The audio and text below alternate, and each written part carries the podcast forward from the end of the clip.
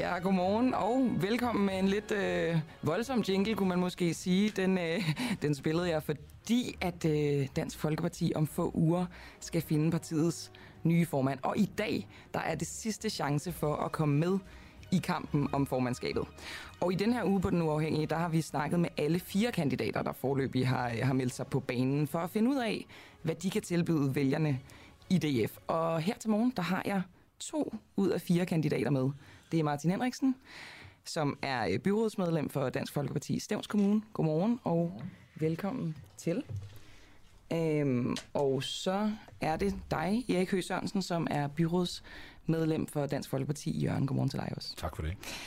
Jeg tænker, at øh, jeg gerne vil lave den her øh, debat, som det er, på sådan en måde, at jeg stiller nogle spørgsmål, hvor I så kan øh, besvare ved at vende tommelfingeren op eller ned. er I med på det? Ja. Og så Det er meget fordi, sjovt. at øh, vi jo både, altså vi livestreamer på Facebook, men øh, der er også nogen, der kun hører det på lyd. Så kunne det være, at I lige skulle tilføje et ja-nej til jeres øh, tommelfinger. Og ved I hvad, jeg tænker, at øh, vi egentlig bare hopper direkte ud i det. Øh, Martin Henriksen, øh, vil du være en god formand for Dansk Folkeparti? Ja. Erik Høgh Sørensen, vil Martin Henriksen være en god formand for Dansk Folkeparti? Det vil han faktisk, og det kunne jeg sige om alle fire. Ja, så er det lige før, at øh, jeg ikke skal spørge, om øh, du selv vil være en god formand Nej, for det Dansk Folkeparti. Så kan jeg spørge dig, Martin Henriksen. Vil Erik Høgh Sørensen være en god formand? Erik har bestemt nogle, øh, nogle kvaliteter, så jeg vil gøre sådan her.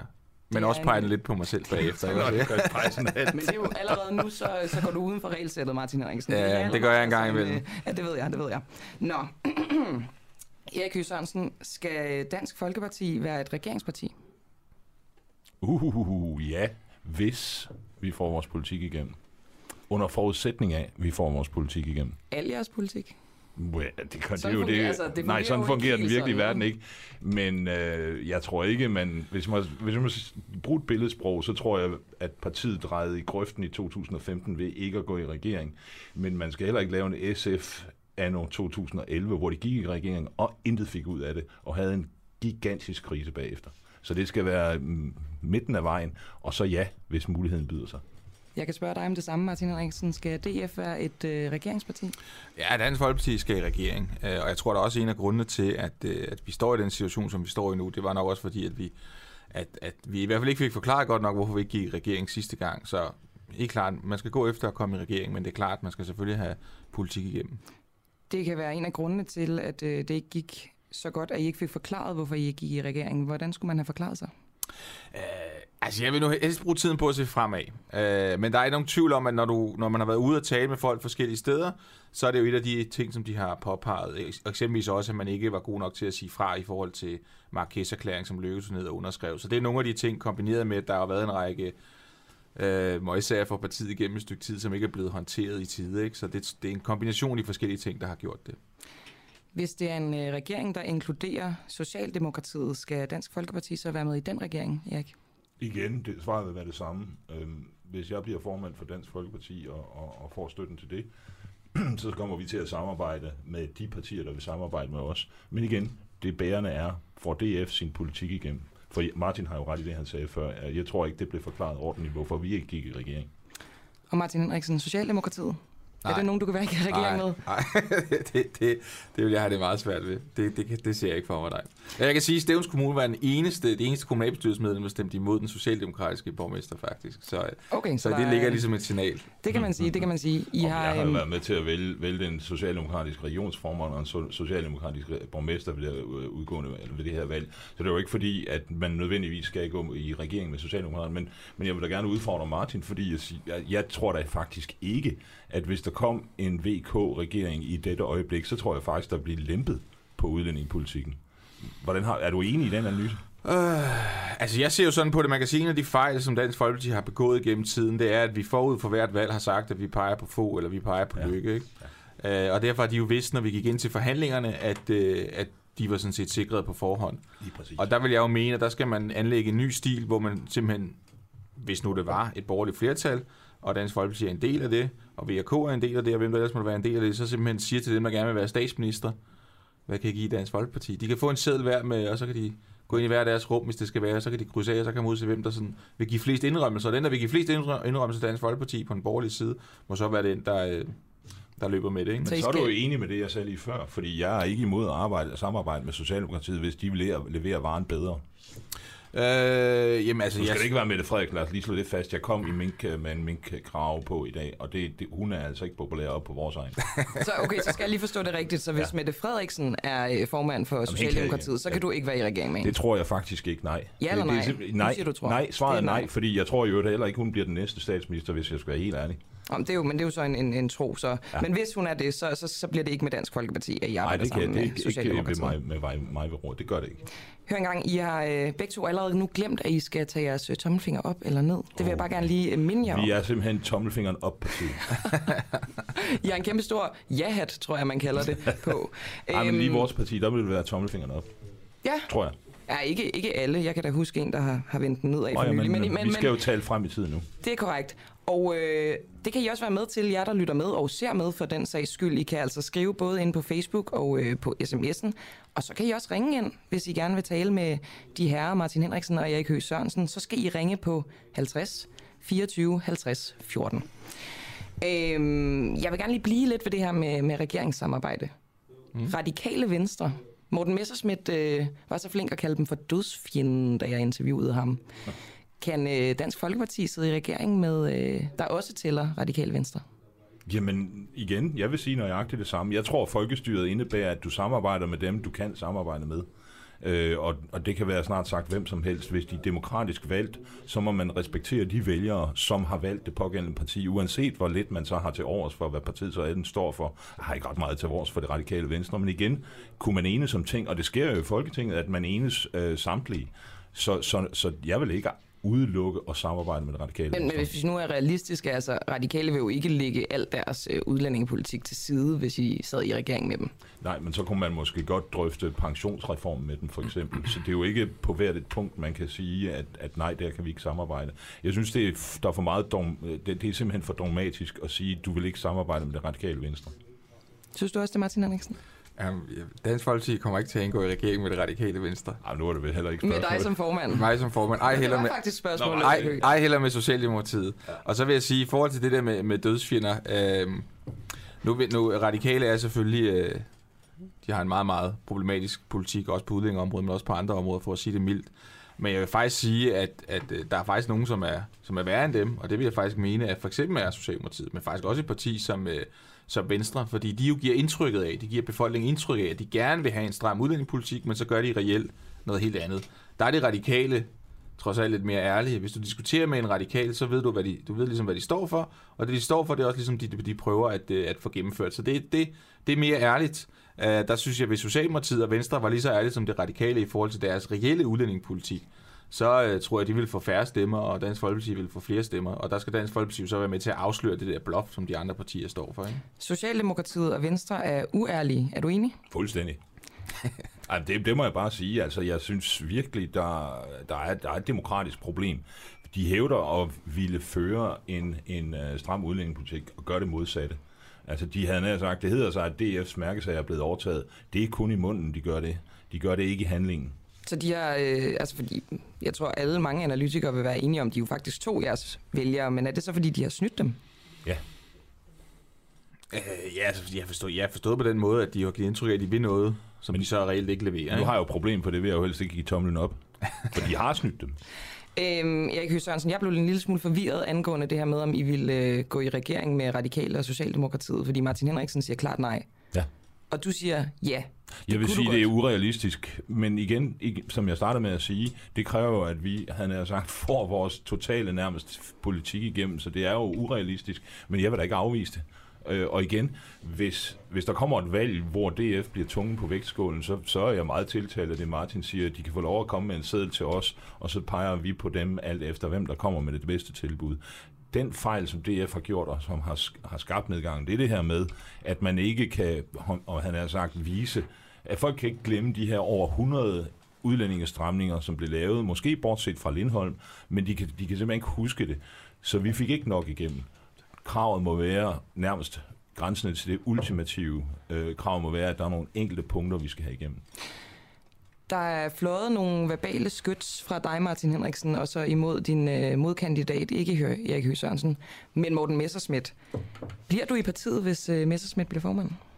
Ja, det er, det er min plan at gøre det. Øh, men altså, jeg tror også, at, at der hvis man kigger på det forløb, der har været både op til det årsmøde, vi havde, hvor der var hovedbestyrelsesvalg, og så også under en kommunale valgkamp, øh, hvor det jo ikke nogen hemmelighed, hvor at, øh, at jeg blev fyret for den stilling, jeg havde, at så har der jo været sådan et vis pres på, at øh, skubbe undertegnet, skubbe mig ud af partiet, og det, det pres må man jo antage, at, at det, vil, uh, det vil fortsætte, uh, hvis det er, at uh, magten den skifter.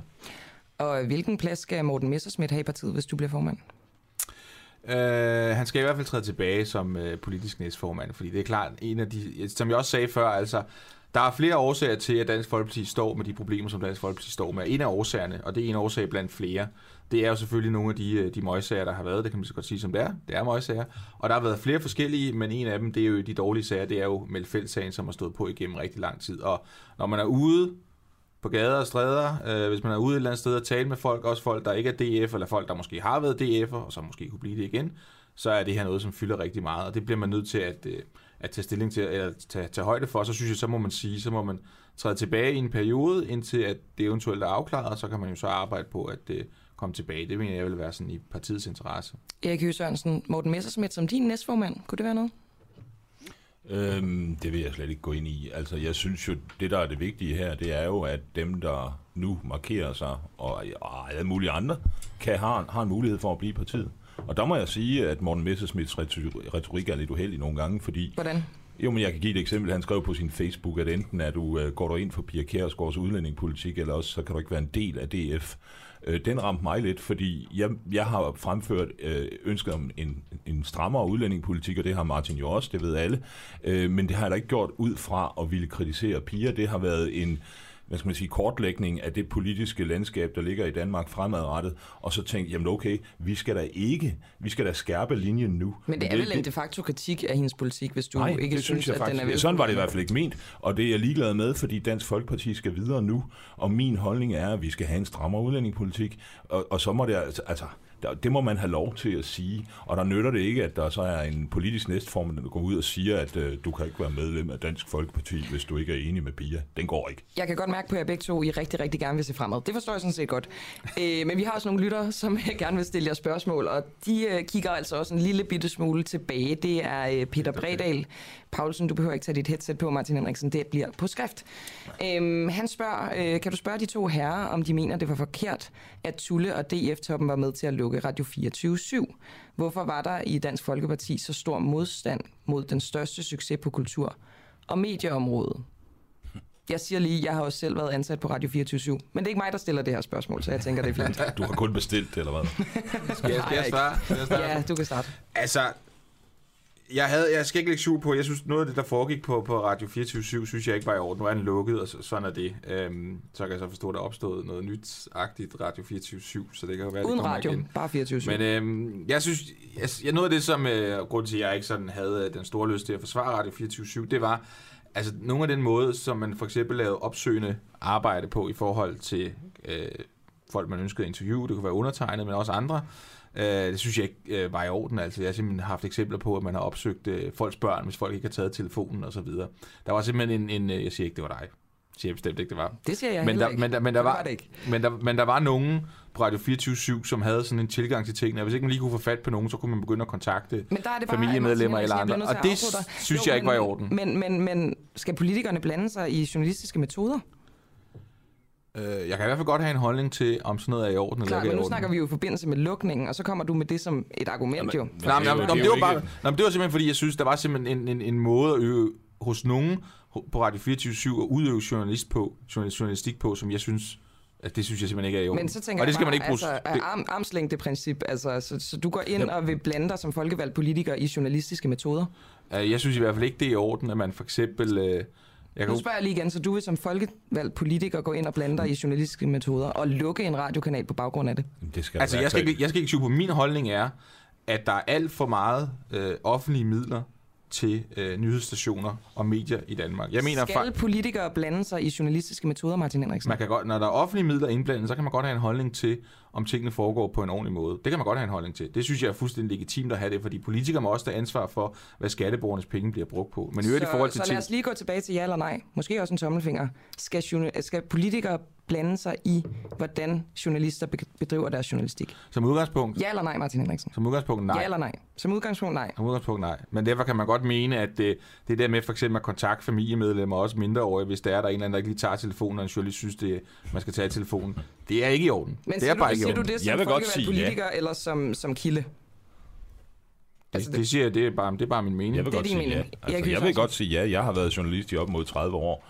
Øh, jeg synes 24-7 var en fornyelse, en glimrende fornyelse, da den kom frem, men de endte i sådan en selvfed, showagtig øh, måde, som jeg, altså programflade, hvor, hvor jeg ikke synes, altså nu for eksempel det med Martin Rossen og den der ballon, hvad skal vi bruge skatteyderpenge på det for at lave der, lave der god taleradio? Altså det blev sådan selvpromoverende. Øh, så jeg vil da godt sige, at selvfølgelig, hvis man giver offentlige penge til et hvilken som helst medie, så er du jo nødt til at have en holdning til det, den service, der bliver leveret. Det kan man da ikke, øh, det synes jeg ikke, man kan skubbe til side. Altså ned i detaljen?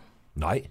Det lyder det som om, fordi... Ja, at nu, nej, nu, ikke nu ned i detaljen. Jo, men, du, men, du har jeg... jo en holdning til, at de for eksempel laver et event med en eller anden ballon. Det er for mig at se ganske detaljeret. Armslængdeprincippet, skal det stryges eller hvad? Jamen altså, det er jo frihed under ansvar. Altså sådan vil det også være med en hvilken som helst anden sektor i den danske økonomi, der får en eller anden form for statsstøtte. Altid frihed under ansvar. Du giver dig ikke penge til et plejehjem, hvis ikke de gamle har det ordentligt. Eller har det godt, vel? Altså, det er lidt det samme. Det var ikke en ordentlig kvalitet i slutningen, synes jeg. Jeg blev, fik jo et lov at stå på mål øh, på, på, øh, på, havde jeg sagt, hos Clement for, for lukningen af 24 Det gjorde jeg med glæde, for jeg synes ikke, kvaliteten var i orden. Og som journalist må jeg bare sige, øh, jeg har da han har sagt 25 års erfaring som journalist, redaktør på Ritzau, EU-korrespondent, der kan jeg da godt gå ind og sige, at kvaliteten var ikke i orden. Men i øvrigt, grunden til, at de faldt i 24-7, det var jo, at de ikke lavede den bedste ansøgning. De havde to muligheder for at få penge, og de fejlede på begge fronter. Så, så smækker kassen altså i. Så politikere skal ned og vurdere kvaliteten af de enkelte medier? Nej, man har lov til at have en holdning til det, men nej, den men, proces... Det, det, nej, men, men man hører her, man har... Begge to, I har en holdning til det, men det lyder ja. også som om, at politikerne simpelthen skal vurdere, om de kan øh, få bevillinger på baggrund af kvalitet, hver, som, som de folkevalgte politikere Hver vurderer. eneste skatteyderkrone, som jeg er med til at forvalte, der har jeg en holdning til, om, om den er godt givet ud, og det gælder sandelig også medierne.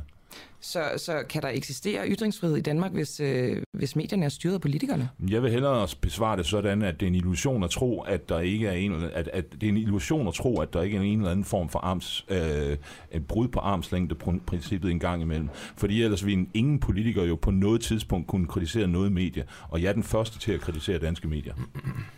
Så hvis øh, DF får flere mandater, skal jeg så være bange for, at øh, mit job er i fare? Hvis, Nej, hvis nu hedder din radiostation jo den uafhængige, så du er jo fri og uafhængig, ikke sandt? Det er en god pointe, Erik Høgh Sørensen. Jeg tænker, at øh, vi går en lille smule videre over til noget, der har været en, en stor kamel på en eller anden måde, øh, Inger Støjberg. Øh, jeg afspiller lige... Kalder du Støjberg for en kamel? Tænk, hvis en DF-mand gjorde det.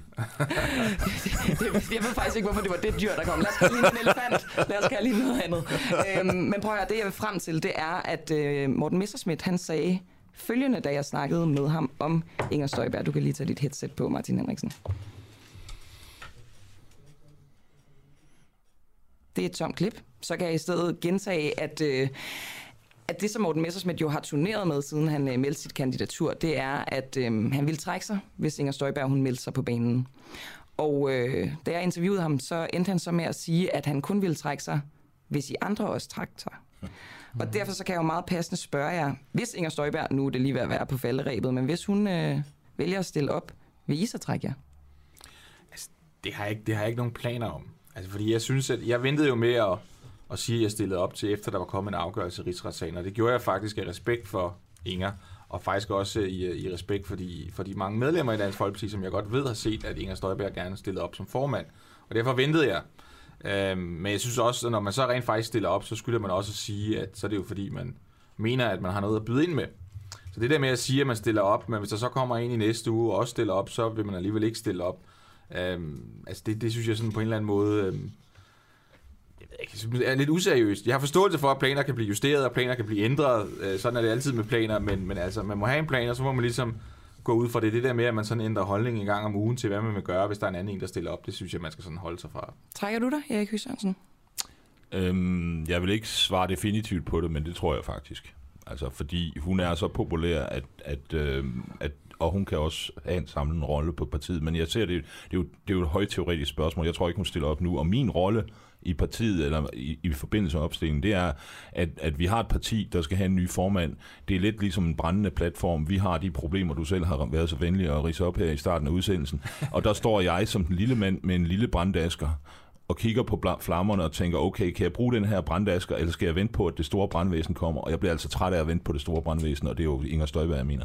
Sidder du over for en uh, useriøs modkandidat, Martin Henriksen? Nej, folk må, det synes jeg ikke. Altså, Erik synes jeg egentlig svarer meget, øh, meget klart. Øhm, nu ved jeg ikke, nu er Messerschmidt her jo ikke, så derfor er det sådan lidt underligt at sådan Ja, det er en underlig Vi skal lige understrege, at han, øh, han selvfølgelig er blevet inviteret, og mange gange har jeg lyst til at sige, men øh, det havde han altså ikke lyst til. Nej. Hvad var besvarelsen på det? Fordi det forstår jeg faktisk ikke. Ved du hvad, da jeg kørte herover fra det nordligste Jylland, så havde jeg tænkt, hvor ville det dog være fantastisk, hvis vi alle fire kandidater til DF's formand først viste os her i dag, for så kan vi stå skulder ved skulder, erklære ud i medierne, ja, det kan da godt være, at vi er uenige om, hvem der skal være formand, men vi står sammen i partiet, og nu er vi kun to.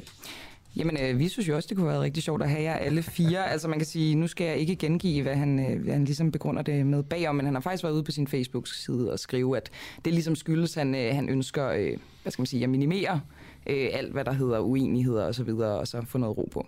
Nå, den tænker jeg, at vi lader ligge der, fordi jeg godt kunne tænke mig, I stiller jo op imod hinanden, I to. Ja. Mm. Så på en eller anden måde kunne jeg godt tænke mig, at I lige forsøgte at, at sælge jer selv. Måske ved at fortælle om... Øh, jeres politiske meritter, Martin Henriksen. Du kan måske starte med at fremhæve dine. Øhm, jamen, jeg, jeg, vil, øh, så vil jeg, jo frem, jeg har jo beskæftiget mig med flere forskellige områder inden for, øh, kan man sige, for Dansk Folkeparti's kerneområder.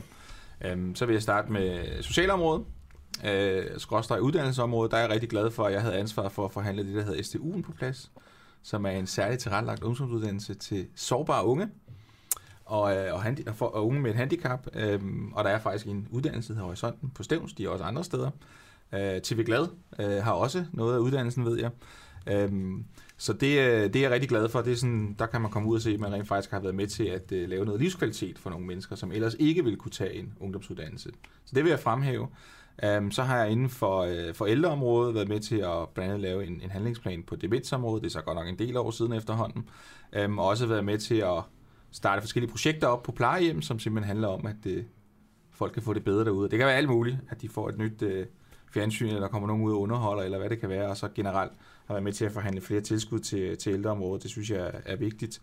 Øhm, og så øh, det er et område, som, som jo har været det vigtigste for Dansk Folkeparti gennem lang tid, og som også er meget vigtigt for mig, det er udlændingområdet. Der har jeg jo i de gange, hvor jeg har haft fornøjelsen af at forhandle med forskellige minister, tror jeg, at øh, der er blevet øh, forhandlet omkring 200 øh, stramninger af udlændingepolitikken på plads, og det mener jeg er helt afgørende, hvis det er, at vi også skal kunne give et ordentligt land videre til vores øh, børn og børnebørn, hvis man er så heldig at få sådan nogen på, øh, på et tidspunkt.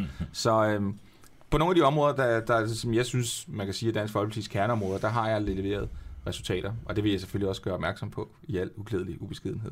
og kan du være lige så uklædelig, Erik Høgh Sørensen? Jamen, jeg kan jo ikke øh, hæve at have haft lang, no, nogen lang folketingskarriere bag, bag mig, eller foran mig for den sags skyld, men jeg har jo øh, netop af den grund, vil jeg næsten eje, mene, jeg er egnet som formand, fordi det, der foregår på Christiansborg lige nu, og her taler ikke om Dansk Folkeparti, men det er godt nok ikke særlig glædeligt at se på, der skal fejres ud ved næste valg. Øh, men men jeg har været... Det bliver lige nødt til at fejres ud, altså i Dansk Folkeparti, eller Nej, Dansk Politik Nej, det var netop det, jeg nævnte jo netop det her med, at det gælder ikke kun Dansk Folkeparti. Der skal simpelthen fejres ud i det, der foregår. Vi kan ikke have politikere, der vandrer øh, på, på ørkenvandring fra det ene parti til det andet. Det er simpelthen utroværdigt. Øh, men det er vel... Øh det er jo øh, vælgernes... Øh... Præcis, men det vil da være mit argument for, at der skal ryddes ud, og, at, og det er faktisk ikke nogen hemsko for mig, synes jeg, selvom det bliver brugt imod mig, at jeg ikke er på Christiansborg. Jeg vil næsten sige, at det er en fordel. Og min fordel er primært, at jeg kommer med en enorm viden fra det private erhvervsliv. Jeg har været øh, rådgiver i toppen af Mærsk, kender det private erhvervslivs konkurrencevilkår. Hvis ikke vi har et godt og givet privat erhvervsliv, så har vi heller ikke nogen velfærdsstat, fordi det er det, der finansierer det. Udover selvfølgelig også værdiskabelsen i det offentlige, men det er det private erhvervsliv. Og jeg har støttet fra Danmarks suverænt vigtigste bonde, nemlig Flemming Fuglede Jørgensen, manden bag bæredygtig landbrug. Så jeg kommer med en erhvervsbaggrund, som jeg tror er noget unikt.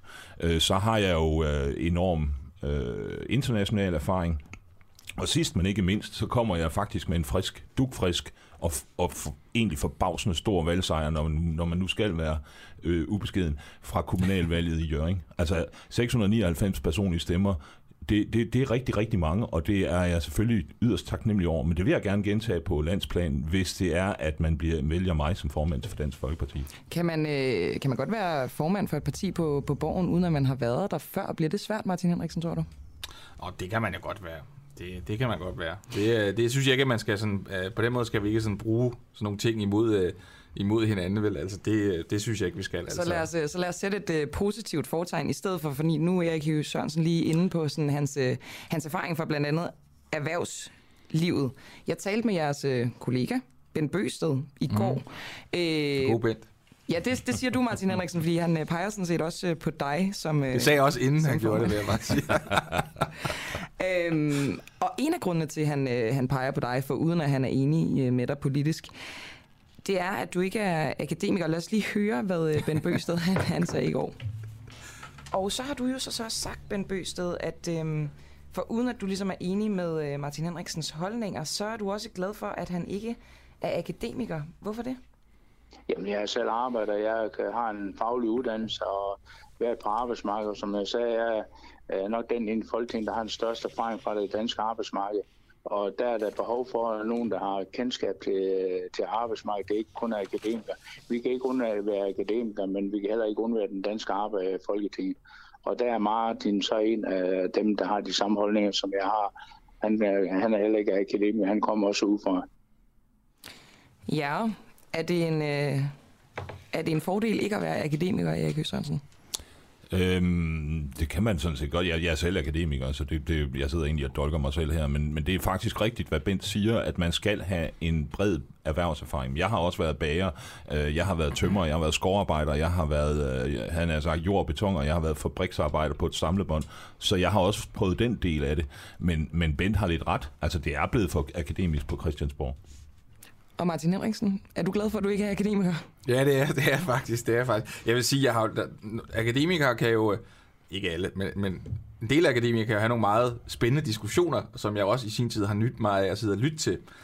Um, det, øh, det, det skal, det, og det, det, er jo en, det er jo en del af det, men jeg synes også, at det, altså, jeg, jeg synes, at Dansk Folkeparti også øh, i ledelsen skal have, altså, der selvfølgelig skal der være plads til akademikere, det er klart nok, men jeg synes, vi igen skal være et parti, som i højere grad henvender os til det arbejdende folk. Der var en gang, hvis du tog ud på en arbejdsplads, på skurvogn eller byggeplads eller et eller andet, så var der rigtig mange, der stemte på Dansk Folkeparti. Sådan er det ikke mere. Så må det godt blive igen. Hvem stemmer de på nu? Uh, ja, de stemmer jo på alle. De, de, det er jo meget blandet Socialdemokratiet. Der er også nogen, som måske stemmer på, uh, på Nye Borgerlige, som tidligere stemte på, på Dansk Folkeparti. Ikke?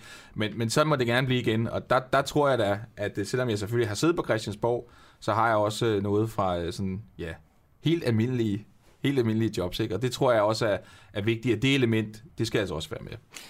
Ved I hvad? Jeg synes simpelthen, der er så god stemning herinde, synes I ikke det? Jo, det er dejligt. Det, det er faktisk rigtig dejligt. Hvad siger du så næst? Jamen, altså, jeg, jeg tænker, så nu vil du ødelægge det, eller Jo, men det tænker jeg, men jeg synes faktisk, jeg har god grund til det, fordi jeg synes, vi skal altså vende snuden imod øh, noget af det mere politiske, fordi det tænker jeg også er ganske, ganske vigtigt. Og så må vi jo se, om den gode stemning, den fortsætter. Så, ja. så nu, øh, nu, nu kører vi lige en ja-nej-runde igen, ikke? og så må I se, om I får, får tommelfingrene med. Øhm, jeg starter med dig, Erik Høgh Sørensen. Skal indvandrere have frataget al offentlig forsørgelse? Nej. Hvorfor ikke? Jamen, øh, de indvandrere, som er, om jeg så må sige, velintegrerede, øh, de er her jo på samme vilkår som alle mulige andre. Der er en lighedsprincip, som jeg går op i. Men øh, når det så er sagt, så skal vi da godt nok også der have ryddet ud i øh, dem, der er alt for meget på offentlig forsørgelse. Hvordan gør man det? Og dem, der sidder i fængslerne. Jamen altså, øh, nu tales der meget om det der med three strikes, you're out. Det kunne jo gøre, være one strike and you're out. Altså, der skal helt andre boller på suppen på indvandrerpolitikken. Hvilke boller? Vi, øh, jeg, jeg vil, nu går vi tilbage til det med regeringsdannelse, fordi nu håber vi jo, at vi bliver tunge på vægtskålen. Jeg vil nærmest stille som et ultimativt krav, hvis jeg var DF-formand, at vi skal ud af konventionerne, som bevirker, at vi har fritløbende udvisningsdømte kriminelle rendende rundt på gader og stræder i Danmark. De skal ud, og det skal være nu. Og hvis konventionerne står i vejen for det, Europarådsmedlemskabet osv., jamen så må vi ud af det. Det vil gøre ultra ondt på de partier på den, han har sagt, såkaldte midte af dansk politik, fik Venstre, Konservative, Radikal, Socialdemokratiet og skulle gå med til det. Men vi kan ikke tage ansvar for, at den type kriminalitet fortsætter. Vil du øh, nærmest stille det som et ultimativt krav? Ja, det eller kan, du roligt, det kan du roligt sige. eller Jeg, jeg ved godt, at ordet ultimativt eksisterer ikke Jamen, i nu DF's siger du nær, ordbog. det er mere nærmest, jeg går Ja, op i. ja det, men altså, jeg vil hellere sige, at, at det er det, der er afgørende for, om jeg vil anbefale eller støtte en regering, hvis jeg bliver formand. Øh, fordi, øh, hvad enten det er deltagelse eller bare som regeringsgrundlag, det er simpelthen afgørende. Men ordet ultimativt, det er jo, det er jo, det er jo faldet øh, i unød i Dansk Folkeparti. Måske, vi skal, måske skal vi finde det frem igen. Jeg, jeg, det er lige før, jeg kender svaret, Martin Henriksen, men, men er du enig? Altså, jeg, jeg synes, at velfærdsydelser skal være forbeholdt danske statsborgere. Og skal vi ud af konventionerne? Øh, at der er mange konventioner. Der er også konventioner om valfang, så jeg er ikke lige sikker på, at vi skal ud. Der er mange, virkelig mange konventioner. Du ved, hvilket jeg snakker om. Ja, efter den europæiske menneskerettighedskonvention, så, øh, så svaret ja, så skal vi ud. Og det vil jo være en skærpelse af partiets politik, fordi partiets politik er i dag, at man skal tage forbehold og skride nu af dansk lovgivning, men at man ikke skal helt ud af den, og der synes jeg, at man skal ud af den. Men i forhold til det med velfærdsydelser, så synes jeg altså, så er helt lavpraktisk, så dem, der er her i dag, øhm, altså som ikke er danske statsborger, der må man finde en eller anden overgangsordning. Og så fremadrettet bør det være sådan, efter min opfattelse, at når folk kommer til Danmark og vil bosætte sig i Danmark, så skal de vide på forhånd, at øh, så har de ikke adgang til velfærdskassen. Det skal, simpelthen, det skal de vide på forhånd. Øh, så sådan bør det i hvert fald være fremadrettet, og så må man finde en overgangsordning for dem, der er her nu. Øhm, og det vil jo så betyde, at øh, vi vil jo spare et kæmpestort milliardbeløb hvert år, som så vil kunne bruges til eksempelvis øh, skattelettelser til det arbejdende folk, ikke til dem, der tjener mest, men til det arbejdende folk, eller til at forbedre indsatsen eksempelvis for øh, unge, der har et handicap, eller på ældreområdet osv. Ikke også? Jeg stopper dig lige der, Martin Henriksen. Topskattelettelser. Kunne det være noget for dig, Erik Høgh Sørensen? Du talte om erhvervslivet. Nej, fordi øh, jeg vil hellere give det som selskabsskattelettelser, for så kommer det til flere, øh, flere danskere til gode, om du vil, fordi selskabsskattelettelser bliver brugt til nye investeringer, så det, det er meget bedre end topskattelettelser. Jeg vil gerne lige spille et, øh, et klip mere for jer, så hvis I vil tage headsetsene på.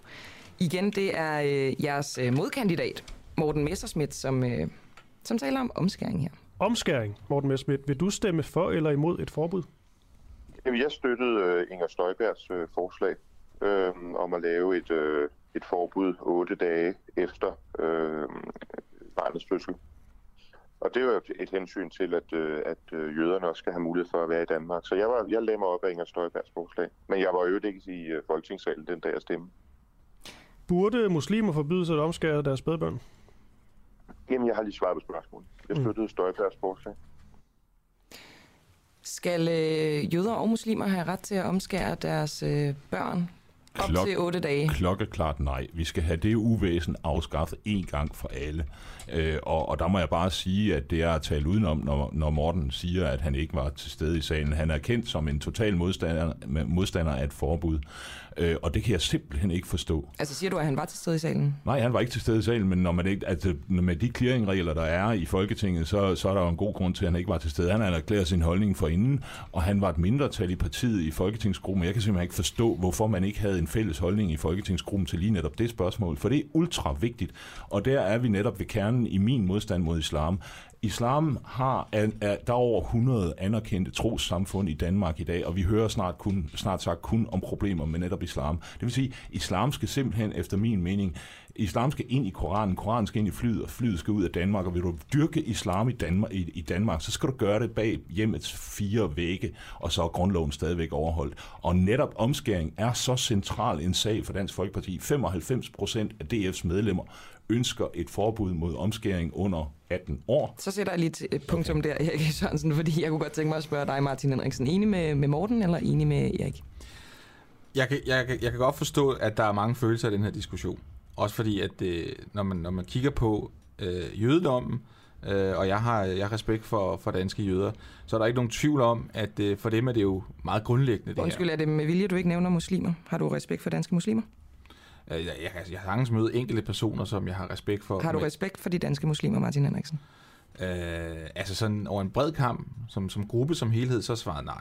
Men derfor kan jeg stadig møde enkelte personer, som har muslimsk baggrund, som jeg så vil have respekt for, fordi man oparbejder en personlig relation. Og islam som helhed fortjener al den modstand, som øh, man overhovedet kan yde i forhold Tilbage til til islam. omskæring, undskyld, jeg afbrød. Ja, men, men når, jeg, når jeg starter med den at sige, at det selvfølgelig er et følsomt emne, så er det fordi, jeg ønsker at vise øh, respekt for jøder i Danmark. Men når så alt kommer til alt, så øh, vil jeg følge den beslutning, som partiet er nået frem til. Og det vil så sige, at så skal der så være en aldersgrænse på de 18 år. Så efter de 18 år kan du selv bestemme, under de 18 år kan det så ikke lade sig gøre. Simon Gang Martin, er du ikke lidt blød mod islam på det her felt? Mm, Det må du da gerne Bare sige. fordi jøder og muslimer for en gang skyld kan enes om noget som helst, behøver danske værdier der ikke at vige. Øh, nå, men jeg synes, man kan godt føre en, en hård linje på udlændingområdet, og så samtidig have nuancerne med. Det synes jeg er vigtigt. øhm, og jeg synes, jeg, synes, det er, jeg synes, det er vigtigt, at, øh, at man, man anerkender den betydning, som det har for jøder. Øh, det, synes jeg, man, det synes jeg, man skal gøre, fordi det har en kæmpe stor betydning. Og jøder har jo været i Danmark i, i mange, mange, mange, mange hundrede år, og det har været fuldstændig uproblematisk i forhold til integration. De er blevet på mange områder faldet godt til det danske samfund, og det kan man godt, man kan godt få nuancerne med, og på den måde, når man får nuancerne med, så synes jeg også, du udviser en passende respekt for den befolkningsgruppe i Danmark. Det synes jeg, man skal gøre. Men når alt kommer til alt, så når jeg jo frem til den samme konklusion. Nemlig, at der at øh, jeg synes, man skal følge partiets linje, at der er, øh, man siger, at der er en aldersgrænse på 18 år, under, så kan det ikke lade sig gøre over, så kan man så selv træffe beslutningen. Gud, nu troede jeg lige, I skulle til at blive uvenner, men I er jo faktisk enige, når alt kommer til alt. Ah, men han er lidt i defensiven på den her, den gode Martin, det må jeg bare sige. Men altså, jeg, har, jeg synes jo ikke, man kan lave særregler for at ramme en religion, og så bevare, altså beskytte den anden. Det er sådan set min holdning. Øh, og det, det synes jeg er en reel forskel i det her, for Inger Støjbergs forslag var jo bare en særregel, som man kunne, havde nær sagt, beskytte jøderne. Øh, men gerningen er den jo samme. Altså, hvis jeg var øh, spædbarn, så ville jeg da synes lige, lige så lidt om at få min forhud fjernet, øh, uanset om jeg er muslim, en jøde eller kristen. Øvrigt Det tror jeg nok, er svært, det at man ikke kan spørge spædbørn. Jeg sætter lige en, øh, en men, finger i øh, jorden her. men jeg tror, to, at alle jeg- spædbørn vil nu nok have jeg den til at afbryde opfattelse. jer, fordi vi bliver nødt til at komme videre fra, fra omskæring, og så øh, over i nogle andre Men lad mig lige slå ting. fast på, det er en Nej, det må ting. du altså ikke, jo, altså, altså til. det er et, det, omskæring, det, skal, det er et onde, der skal stoppes. Det tror jeg, at øh, du faktisk også havde sagt, før du sagde det. øhm, skal DF bygge sin øh, politik på kristendommen? Spørg mig? Ja. Jamen, øhm, jeg er kulturkristen. Jeg kan godt lide at se de danske kirker i kulturlandskabet. Skal DF bygge sin politik på kristendommen? Ikke nødvendigvis, nej. Men det, det gør vi jo indirekte, fordi det, øh, folkekirken er skrevet ind i, i, i øh, grundloven, og grundloven værner jeg om. Og det, øh, det er du jo lidt mere vakkelvogn på, Martin Henriksen. Men det er ikke det, jeg vil spørge om. Skal Dansk Folkeparti bygge sin politik på kristendommen? Du kan ikke bygge din politik direkte på kristendommen. Fordi altså, det er jo en af forskellen på kristendom og islam. Altså i et muslimsk samfund, der vil du jo, hvor man kan sige, islam ligesom gennemregulerer tingene, og hvor du bygger det på islam, så vil du sidde som lovgiver og slå op i Koranen, eller slå op i haditterne og sige, hvad skal vi gøre, når vi skal gøre sådan og sådan, og så implementere med det så i samfundet. Sådan gør man jo ikke øh, i et land, der bygger på kristne værdier. Der slår man jo ikke op i Bibelen og siger, at øh, nu følger vi... Øh, Men vil Følger vi Moses-loven? slå op i øh, Bibelen? Øh, ja, det er altid en udmærket ting at gøre det, men man skal ikke bygge sin lovgivning på det. Man skal bygge sin lovgivning på, hvad man mener rent politisk. Men det er jo klart, at fordi kristendommen spiller så stor en rolle i det danske samfund og har gjort det igennem meget, meget lang tid, så vil det jo indirekte have en indflydelse. Der vil jo være sådan en overlap, men det vil ikke være det samme som, at man gør i nogle andre samfund, hvor man simpelthen slår op, og så siger, så skal vi implementere det og det. Så på den måde, så vil man jo ikke gøre det. Men det vil jo indirekte have en indflydelse, ligesom det i øvrigt også har i dag. Jeg ved godt, at I bliver irriteret på mig nu, men kan vi ikke lave en aftale om, at I svarer ultra kort, fordi tiden er ved at løbe ud? Godt. Det siger vi er en aftale. Skal øh, partiets sekretariat flyttes ud i provinsen, provinsen Erik Høgh Sørensen? Del af det, ja. Martin Henriksen? Nej, det skal det ikke. Det er meget praktisk, at hvis, hvis når man er på Christiansborg, øh, ikke fordi jeg er det lige nu, men når man er det, hvis jeg så kommer igen, det ved man jo ikke, at det man så, også- altså den sekretariatshjælp, man har behov for, at den er tæt på, det, det, det, det er et praktisk spørgsmål. Jamen, altså, som det er nu, er der kun ét hovedbestyrelsesmedlem, som er placeret vest for Roskilde, og det er et problem. Øh, om der, Jamen, der er kun... det er ikke noget med den her diskussion at gøre, efter min opfattelse. Jo, fordi vi skal råde bod, vi skal råde bod på, at partiet er centreret i Christiansborg. Også de stillinger, som rent faktisk næsten burde være i provinsen. Og jeg har foreslået at flytte dele af det til Silkeborg. Det kunne man sagtens gøre. Det behøver selvfølgelig ikke at være sekretariatschefen, og heller ikke de politiske stillinger, men der er mange andre stillinger i DF, som burde være tættere på baglandet. Jo, men det, jamen det, det, det, det, det, det, det, er praktisk meget øh, godt at have altså, hjælpen tæt på. Så hvis du hurtigt, så sker et eller andet, du skal træffe nogle beslutninger hurtigt, der er politiske forhandlinger, så er det altså meget godt, at det ham, du skal snakke med, han sidder på øh, tre kontorer nede ad gangen, i stedet for, at han sidder et sted. Undskyld. Kan man ikke bare ringe? Det kan man også godt, men nogle gange er det meget godt, at der også kommer nogle rende med nogle papirer og så videre. Nogle gange skal tingene gå lidt hurtigt, og så det er, det er et praktisk spørgsmål. Men der, der er vi så lidt uenige, fordi DF gik jo meget kraftigt ind for udflytningen af statslige arbejdspladser, og nu lyder det som om, det kan vi ikke gøre med os selv. Selvfølgelig kan vi det. Der er visse Jo, stillinger, mange- der man så ikke mange behøver at medarbejdere være. er der jo altså Nej, det ved jeg godt, men der er visse stillinger, der ikke behøver at være på Christiansborg. Skal man og ikke de skal flyttes selv, ud. Martin Henriksen? Øh, jo, jo, det skal man gøre, hvis det giver mening. Altså, det skal jo give mening. Altså, du, hvis du tager en hel styrelse og rykker ud et sted, hvor der er rigtig mange medarbejdere, Øh, Dansk Folkeparti's sekretariat, det er jo ikke en styrelse, det er slet ikke på niveau med en styrelse, Ej, det det er fylder slet ikke lige så meget. Nej. Så det, det, det er noget helt andet, det er helt andet, vi taler om. Og hvis der, er nogle for, hvis der er nogle drøftelser i en styrelse, så vil det jo være, hvis det skulle give mening, så skulle du tage hele Dansk Folkeparti's sekretariat, og så rykke et andet sted hen. Så skulle du måske også tage Christiansborg og rykke et andet sted hen. Så, så er vi så ude i nogle helt andre diskussioner. Så kunne det blive folketinget. Yes, men, men pointen er bare, at når, når du har forhandlinger, og så mange ansatte har vi altså heller ikke i Dansk Folkeparti, så øhm, giver det altså meget god mening, at øh, når du lige skal tale med den gode medarbejder, øh, Vi at han har- så sidder ret tæt på. Og Det giver iler, god mening. Vi iler videre. Okay. Øh, Erik Høgh Sørensen, skal danske sygeplejersker have mere i løn? Ja, suverænt, ja. Martin Henriksen? Jamen, det synes jeg vil være meget passende. Og hvad med dyrevelfærden? Jeg synes, at det var noget, I snakkede meget om på et tidspunkt i Dansk Folkeparti. Hvad er der blevet af den? Det ved jeg da egentlig ikke. Det var da et godt, det var faktisk et rigtig godt spørgsmål. Tusind ikke, at tak, du ikke har stillet gode spørgsmål før. øhm, ja. Men det, det, jamen, jeg, der er mange politikområder her under dyrevelfærd, som du ikke hører så meget med, mere til. Mere. Det tror jeg... Er det som fordi, jeg sa- er, som det skal være? Nej, det er netop fordi, alt ikke er, som det skal være. Det er jo netop fordi, at der, eksempelvis som jeg sagde tidligere, der har været en række sager, hvor det ikke er blevet håndteret.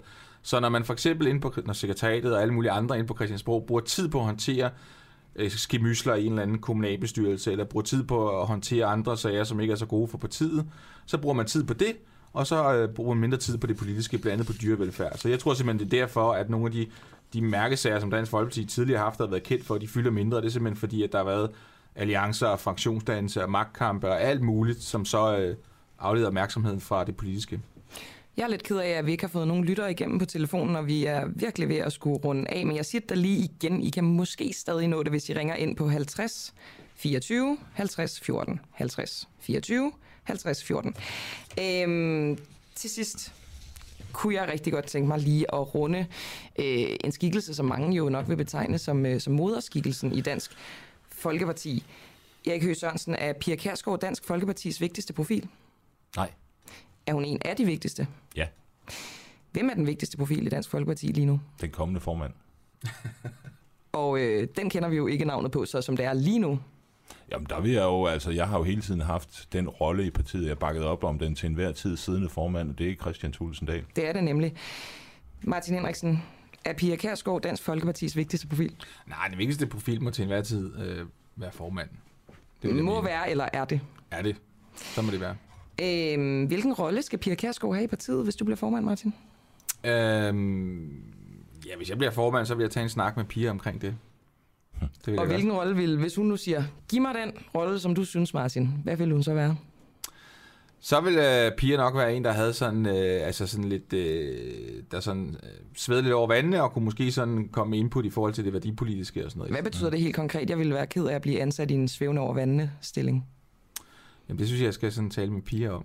Og jeg ikke vil, det, jeg vil var bare helt rigtig, rigtig gerne tale med dig. Har du et bedre svar, Erik Høgh? Jamen, det synes jeg da, fordi jeg vil gerne gøre hende til partiets tommelfingeren op ambassadør. Vi skal have en bedre, ambassadør, øh, øh, vi skal have en bedre atmosfære i partiet. Det skal ikke være, hvor vi sidder og disser hinanden nødvendigvis. Vi skal have en robust, sober debat om, hvor partiet skal bevæge sig hen. Har Og der Martin hun spille Henriksen på- været øh, sober i hele den her øh, formandskamp?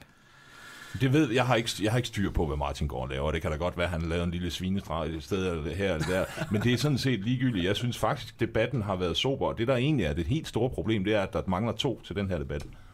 Ja, i dag. Ja. Altså Morten Messerschmidt og øh, Mariette D. Larsen. Præcis. Øhm, til sidst, der er faktisk en, øh, en lytter, som har skrevet ind og spurgt, hvem er DF's kernevælger?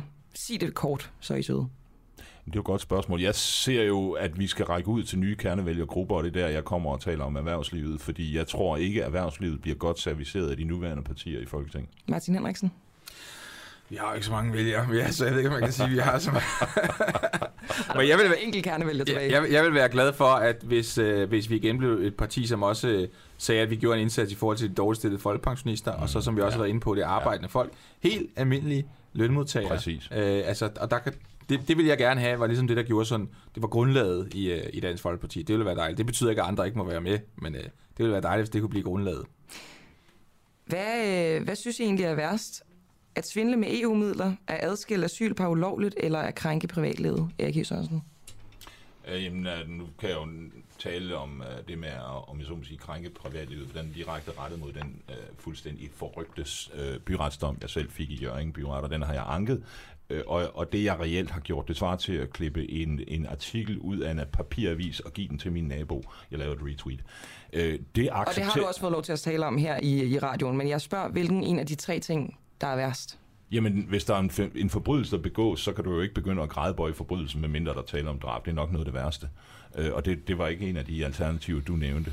Øh, så så den, jeg kan ikke vælge mellem de tre. Forbrydelser, det er noget, der skal bekæmpes. Martin Henriksen, du er ikke, du er ikke bange for at sige din mening. Hvad er værst af de tre ting? Uh, nu, nu svarer jeg, men det svarer jeg altså uden at jeg tager stilling til Eriks uh, sag. Altså, og det, det, det, det, det er det private. Der skal respekt for det private. Men det tager, jeg siger det altså uden at tage stilling til den sag overhovedet, vil jeg bare sige. Fordi nu nævner du bare overskrifterne. Private, det private for mig, det er jo også, altså, hvad, altså, hvor stor indflydelse har for eksempel en, en, en, en, det offentlige i forhold til øh, private hjem, familier og så videre, hvor, hvor hvide rammer har de for at gå ind og blande sig i, hvad der foregår der eksempelvis. Ikke? Også, ikke? Altså, hvem, hvem, hvem har retten til at, at opdrage sine børn? Det har, det har forældrene selvfølgelig ikke også. Ikke? Og der er jo en diskussion. Der mener jeg også godt, at Dansk Folkeparti kan skabe kant til Socialdemokratiet, hvor Socialdemokratiet har det godt med, at børn altid er meget institutioner. Og der kan vi jo godt have en anden opfattelse i Dansk Folkeparti. Når jeg siger det private, at man skal have respekt for det private, så er det blandet med den baggrund, jeg siger det. Man plejer jo sådan i slutningen af sådan nogle her debatter nogle gange at øh, give jer sådan 30 sekunder bare at, at tale i. Jeg kunne godt tænke mig at prøve noget, noget andet. Kan I huske dengang i folkeskolen, da man fik fri leg? Jeg vil gerne give jer to 30 sekunders fri leg til bare begge to at tale med hinanden. Er I klar på det?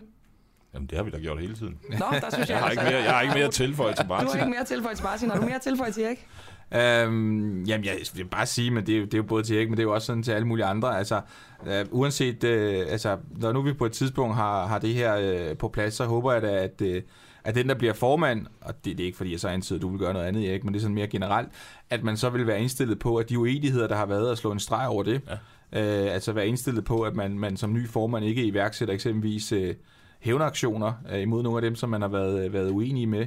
Det tror jeg er utrolig vigtigt, og så har vi jo bare haft en, en, en, en periode på to eller tre år, hvor partiet er blevet enormt øh, opdelt i fraktioner øh, på grund af de interne magtkampe, der har været, og det skal vi simpelthen øh, altså det, det skal vi væk fra, hvis det er. Der var en gang, hvor det, ligesom det bærende i den interne partikultur i Dansk Folkeparti, det var det fællesskab og det sammenhold, man havde med hinanden, og, øh, og det, skal, det skal vi have igen. Det var fri leg. Det ligger der så meget leg, men altså, Altså, det er tog min tid. Du tog... Øh, men det kan være, at altså, nu kan jeg se, at telefonen ringer. Nu, nu tager jeg den simpelthen Ja, bare. gør du det. Jeg, jeg, har ikke, jeg har ikke prøvet det her før. Øh, hallo?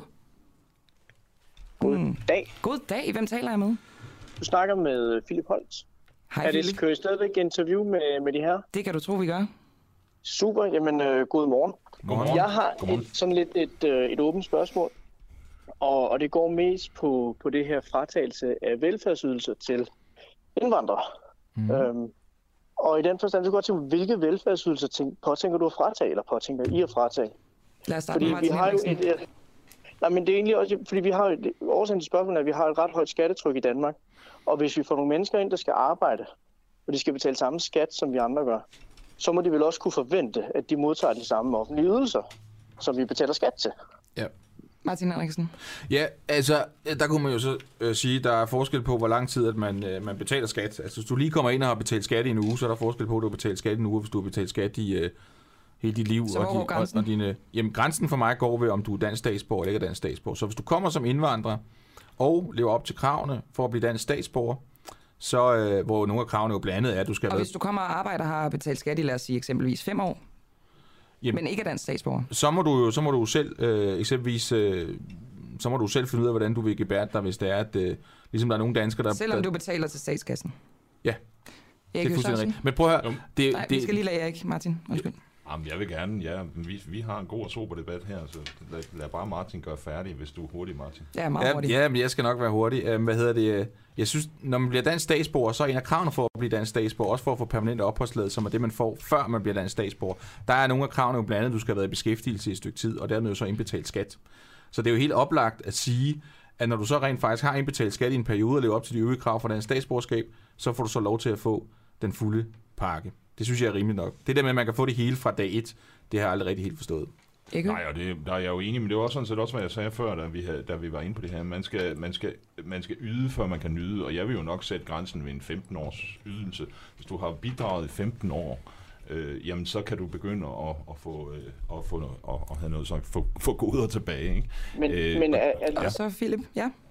jeg vil bare sige, hvad så med sådan noget som gratis lægebehandling? Er det ikke en, en velfærdsydelse, en kernevelfærdsydelse? det hørte jeg ikke. Hvad sagde du? Undskyld. Hvad med gratis lægebehandling? Er det ikke en kernevelfærdsydelse i velfærdsstaten? Og Det, jo, er det men så der sådan kunne man jo vel som indvandrer, der kunne man vel som indvandrer væ- være forpligtet til at tegne sig en eller anden form for forsikringsordning. Det er det, man skal, hvis man er udlænding i USA for eksempel. Har jeg boet i mange Så, år. oven, Ja. så, så en højt betalt indvandrer skal oven i topskatten betale for en yderligere velfærdssikring. Nå, Ja. hvis, hvis det er en, en, en, en, en, hvad hedder det, en, en, en højt uddannet indvandrer, så vil det jo typisk være sådan, at øh, den virksomhed, som ansætter, også vil have en interesse i at tilbyde nogle goder.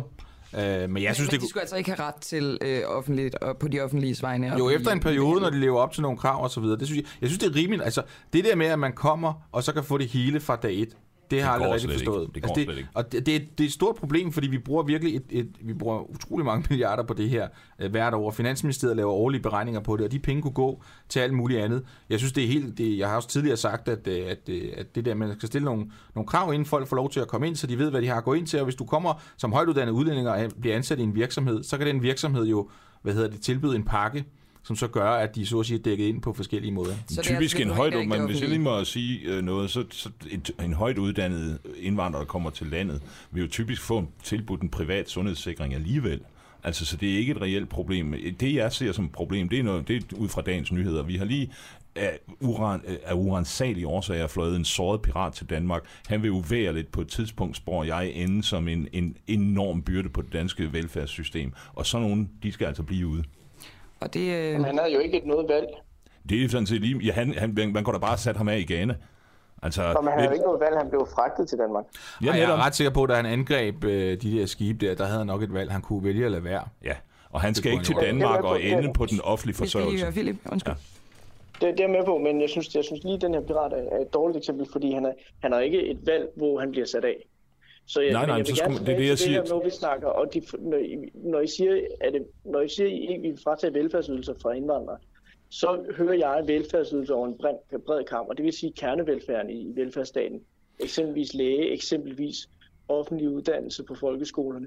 Alt det her, som man siger, det, det, det er et, et, et kernen i, i det velfærdssamfund, som vi har bygget op i Danmark. Ja, men, Og der må, men synes jeg, I må være skarpere på at sige, er det alt over en bred kamp, eller vil I lave differentierede velfærdsydelser? jamen, altså, eksempelvis øh, kontanthjælp, integrationsydelse, øh, boligydelse osv., øh, pension, det synes jeg, det skal være forbeholdt danske statsborgere. Øh, og så vil jeg altså så sige det her med, at altså, det danske velfærdsstat er jo opbygget af danskere til danskere. Så kan andre komme hertil og kan på nogle bestemte kriterier så få adgang til det. Og det er jo sådan set det, som jeg lægger op til. Men vil I differentiere det, Martin Henriksen, ja eller nej? Jamen, det er jo at differentiere det jo. Ja, Ja, ja, absolut. Ja. Det er jo Altså, jeg, har, jeg, har, jeg, har, jeg er jo akademiker, som jeg nævnte. Jeg tog mine studier i USA. Der måtte jeg da betale masser af penge, både for, for sundhedsydelser, fordi jeg ikke havde bidraget til det amerikanske system, og undervisningsudgifter. For udlændinge i Danmark, de må altså betale lidt på samme måde, som man gør, når man rejser til USA. Og, det... og så er der mere velfærd til de danskere, hvis forfædre har opbygget velfærdssamfundet. Og det var altså de svar, som du fik, Philip. Tak fordi du ringede ind. Tak, Philip. Ja, Det så er en tak. god dag. Hej. Måde. Goddag. Og øh, så er det også ved at være, at vi har gået rigtig, rigtig meget over tid. Øh, jeg vil gerne sige tak til både Martin Henriksen og Erik Høgh Sørensen, og så vil jeg ønske jer altså held og lykke med, øh, med kampen den øh, 23. januar. Øh, jeg synes, det bliver spændende at se, hvordan, øh, hvordan stemningen bliver i Dansk Folkeparti efter det formandsopgør. Personligt tror jeg, jeg vil holde en, en kæmpe fest med masser af alkohol og cigaretter, men det, øh, det vil være op til jer, skulle I gå hen og blive øh, valgt. Det er en Tak fin fordi- mulighed, vil jeg sige. tak fordi I kom begge to. Tak skal du have.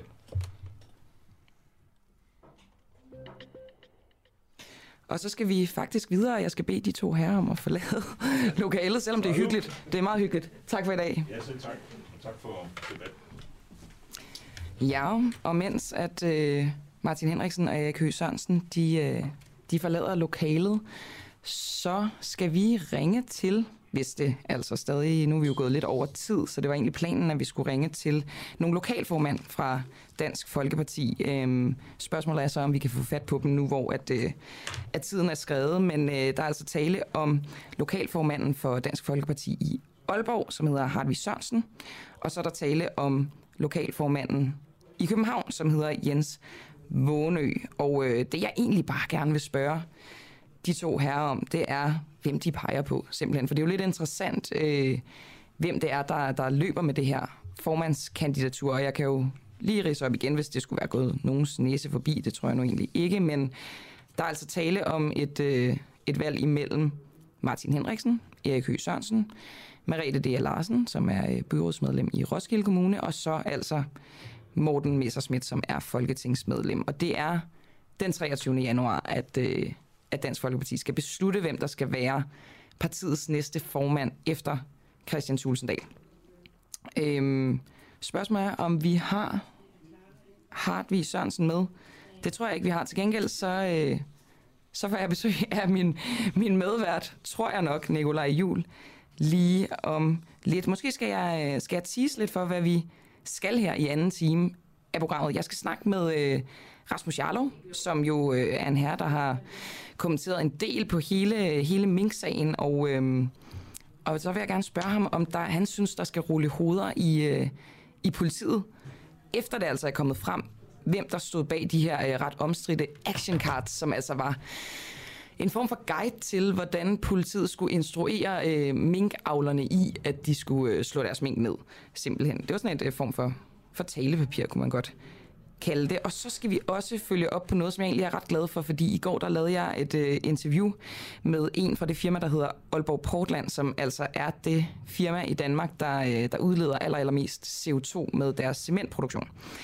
Øhm, og det er nogle ret øh, vanskelige hvad skal man sige, beregninger, men det der er med det, det er, at de har forpligtet sig, de har lavet en aftale med Dan Jørgensen, klimaministeren, øh, de har lavet en forpligtelse til at reducere deres CO2-udledning. Men det er lidt nogle, øh, nogle komplicerede udregninger, og derfor så snakker jeg med øh, Martin Collignon fra Klimabevægelsen, for simpelthen at høre, om klimaministeren har givet Aalborg Portland øh, lyst til at, at forurene løs, fordi det, der egentlig også var interessant ved det interview i går, det var, at, øh, at Aalborg Portland, der er ikke nogen konsekvenser, hvis de bryder den aftale, som de har lavet med Dan Jørgensen. Det er ikke sådan, at de skal lave klimakompensation, eller at de skal betale bøder, eller, eller lignende. Så, øh, så det bliver egentlig meget spændende. Så skal vi selvfølgelig også snakke om det her, som vi faktisk kort var inde på, fordi vores lytter Philip han ringede. Det her med øh, piraterne på Esbern Snare, øh, hvor en af dem altså er på vej til, til Danmark. To af dem skulle være blevet sendt i land, og altså ikke på vej til Danmark. Så det, øh, det snakker jeg med hende, der hedder Birgit Feltmann om, som er professor i havret og i pirateri. Og helt personligt så elsker jeg, at, øh, at man kan være professor i pirateri. Nu får jeg at vide, at vi har Jens Vornø igennem på telefonen. Godmorgen, Jens. Jeg kan dog ikke rigtig høre Jens. Mm. Den røde knap, Camilla. Den røde knap. Ja, yes, Sådan der. Tak skal du have, Nikolaj. Selv tak. Er du med mig nu, Jens? Ja, det kan jeg godt. Godmorgen. Godmorgen. Du er lokalformand for Dansk Folkeparti i København. Jeg vil bare gerne høre ja, dig, hvem, øh, hvem peger du på af de fire formandskandidater? Jeg peger på Morten Messerschmidt. Og hvorfor det? Jamen, det gør jeg, fordi at uh, Morten er en dygtig leder, og øh, Morten er god til at se sit bagland. Øh, Morten har det største netværk, og Morten har også øh, det største talerør på de sociale medier. Øhm, og så synes jeg, at Morten har vist nogle fantastiske resultater igennem øh, tiden. Øh, altså Danmarks historiens største stemmeantal. Øh, og jeg tror, at øh, Morten er den, der kan genrejse vores parti allerbedst. Så øh, fordi han er en stemmesluger? Jamen, altså ikke, ikke kun på grund af stemmesluger, men også fordi jeg synes, han er god til at vise nogle øh, rigtig gode resultater. Øh, altså, lige meget, hvad han kan laver. Kan du nævne et andet, end, øh, end ligesom at han fik mange stemmer? Jamen altså, øh, jamen altså, øh, for eksempel altså, at øh, han i dag jo er vores næstformand, at, øh, at han har sørget for at have hele EU-debatten og den kritiske EU-debat i, i Danmark, som, øh, som jeg synes, vi på mange måder har manglet i øh, medierne, Jens, og, og stadigvæk jeg, mangler. Jeg, jeg dig lige, fordi jeg spørger efter konkrete politiske resultater. Jamen øh, for eksempel altså, at øh, han har gennemført det her med, at vi skulle have Brexit, og altså, at vi så skulle have en Dexit. Det, at, øh, vi har det, fået det, det vil sige, det har vi ikke. Altså, det har han ikke gennemført. Det kan man vel ikke Jo, han har, oprettet, han, har oprettet, han, har, han har oprettet nogle hjemmesider, hvor at man kan have de her debatter, og hvor de her grupper de fungerer, så man kan få den her diskussion. Det har han faktisk. Vi er enige om, det er jo ikke et politisk resultat. Jeg snakker politiske resultater konkret. Nå, men, jamen, det synes jeg det bestemt det er, fordi det er jo resultater, som er vigtige, og det er da bestemt noget, som vi skal have en diskussion om i Danmark, vores uh, forhold til EU. Jeg vil og den synes jeg i allerhøjeste grad... resultat, hvis, hvis Danmark øh, ligesom lavede en Brexit, så er vi ude i et resultat, ikke? Nå, men altså, nu har, vi jo, nu har han jo om nogen været med til at indlede debatten, og det synes jeg er et virkelig vigtigt politisk resultat. Det kan godt være, at du ikke anerkender det, men det, det synes jeg bestemt, at det er. Øh, og jeg synes, det er en vigtig diskussion, når vi får den i Danmark, øh, og det er jeg helt sikker på, at vi gør med Morten i spidsen. Så øh, altså, han er øh, dagsordensættende. Skal vi ikke blive enige om det? Og så er han altså også en, øh, en herre, som, øh, som før har vist, at han har slugt mange stemmer. Tusind tak, Jens Vågenø, øh, lokalformand i Dansk Folkeparti i København. Det var så lidt. God dag. Og øh, så skulle der blive ringet ude i teknikken til, til Hartvig Sørensen. Altså, der kan man sige, nu fik Morten Messerschmidt en stemme, Nikolaj. Han siger jo faktisk, at øh, han har sikret sig 400 stemmer til det her formandsvalg. Det, det er påstanden indtil videre i hvert fald. Jeg er ikke sikker på, at der er lyd på. Men jeg bliver bare, jeg bliver bare ved med at tale ind til dig. Du tror, den, øh, den kom. Jeg kan i hvert fald høre, øh, jeg kan i hvert fald høre mig selv nu. Ved du hvad, det er simpelthen fordi, at jeg har haft gang i to andre mikrofoner. Ja, men det er det. Der, der har været... Øh, du har styret teknikken med hård hånd her til morgen. Eller, eller med, med, øh, hvad skal man sige, usikker hånd. Med Ikke? en hånd i hvert fald. Ja. Nå, øhm, kunne du måske ikke lige sådan helt kort... Nej, nu har vi faktisk Hartvig Sørensen med. Så synes jeg da bare, at vi skal gå direkte til at sige godmorgen, Hartvig. Godmorgen. Lokalformand i Dansk Folkeparti i Aalborg. Hvem peger du på af de fire kandidater? Øh, Jeg, jeg stemmer på Messerschmidt. Og hvorfor gør du det? Ja, men jeg synes, at Morten har jo, har jo lovet, at vi kommer med en, øh, et hovedbestyrelsesmedlem i, i hver region, eller hver deltager, og det har vi sådan set også haft behov for. Og så vil han give baglandet, altså vi andre, noget mere indsigt i, hvad der foregår, og noget lidt mere magt måske også. Så det er jeg utrolig glad for.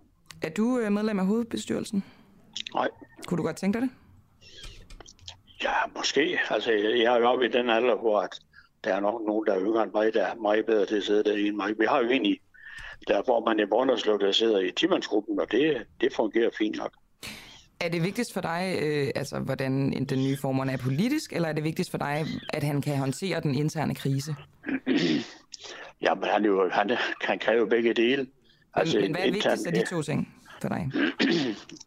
Jamen, det ved jeg som ikke, men altså, det, jeg, jeg holder jo på Morten, han kan klare begge dele, og Nå, men det er mere sådan, jeg er faktisk bare interesseret i, fordi det er jo meget det, som øh, diskussionen går her frem mod formandsvalget. Er, er det ligesom det politiske, der skal være fokus på, eller skal der være fokus på, at nu skal partiet simpelthen blive gode venner med hinanden igen internt? Jamen, det, for det første skal de jo være gode venner. Det er jo en, en, en en form for, at, at det politiske, det, det samtidig også fungerer. Og det tror jeg også på, det, det kan Morten sagtens styre. Det er jo slet ingen problem med. Og øh, også selvom, at øh, han måske ikke på nuværende tidspunkt er sådan helt gode venner med en anden fremtrædende profil, Martin Henriksen. Men det, ja, det er helt ærligt. Der er, jo, der, er jo mange, der er jo mange steder i politik, hvor man ikke er enig, men alligevel, så ser man jo godt, at man kan lave nogle, nogle forlig. Det ser du jo, det ser du jo jævnligt. Altså, nogen kan jo ikke lide den ene, og nogen kan ikke lide den anden. Men så finder de jo fælles, nogle fælles fodpunkter, at uh, det kan godt lade sig gøre, når det kommer til stykket. Og således også internt i, øh, i Dansk Folkeparti, i hvert fald i, Ja, for, det- i, øh, Ja. ifølge dig, Hartvig Sørensen. Tusind tak, fordi du var med, og du peger altså på Morten Messerschmidt som ny formand. Godmorgen til dig. Ja, ja tak.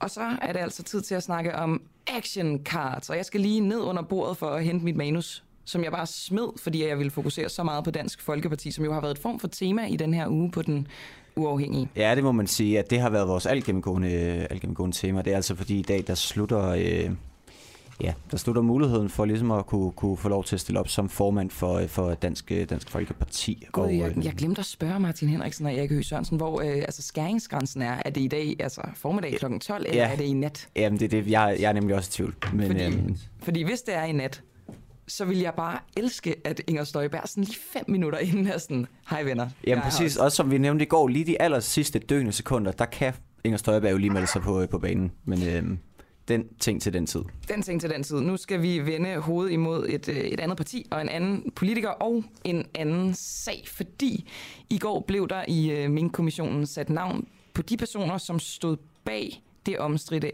action card.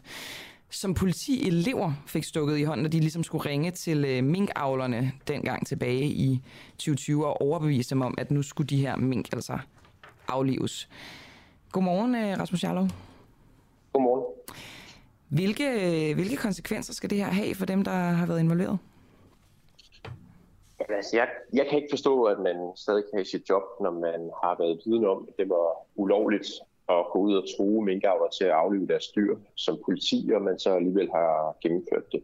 Og det var det, der kom frem i går, at øh, Rigspolitichefen har til sydlandet øh, godt vidst, at det var ulovligt, øh, og alligevel så har operationen fortsat, som de øh, selv formulerede i afhøringerne i går.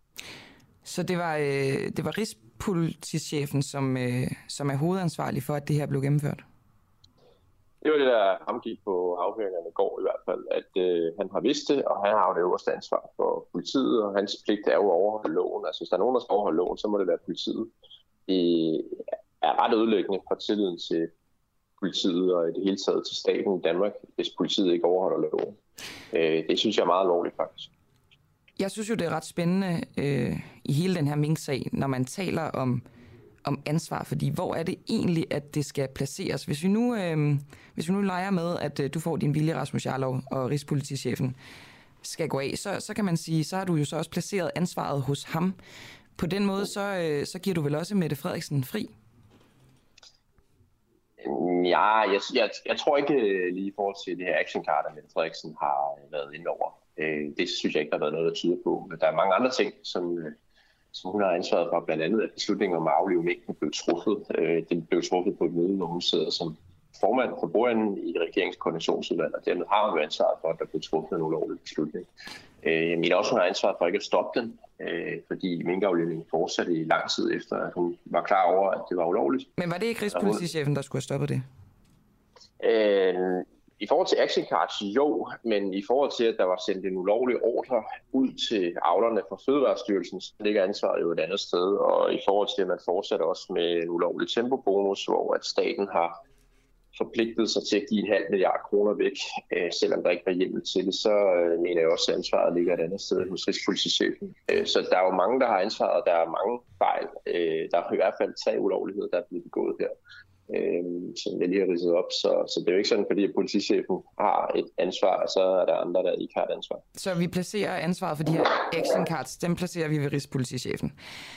Men så kan jeg godt tænke mig at spørge dig. Ja, altså nu, nu vil jeg sige, nu er afhøringen ikke færdig nu, men øh, det, øh, det fremgår i hvert fald for de afhænger i går, at øh, han har vidst det, og det er jo øh, i hvert fald en ansvarspådragende.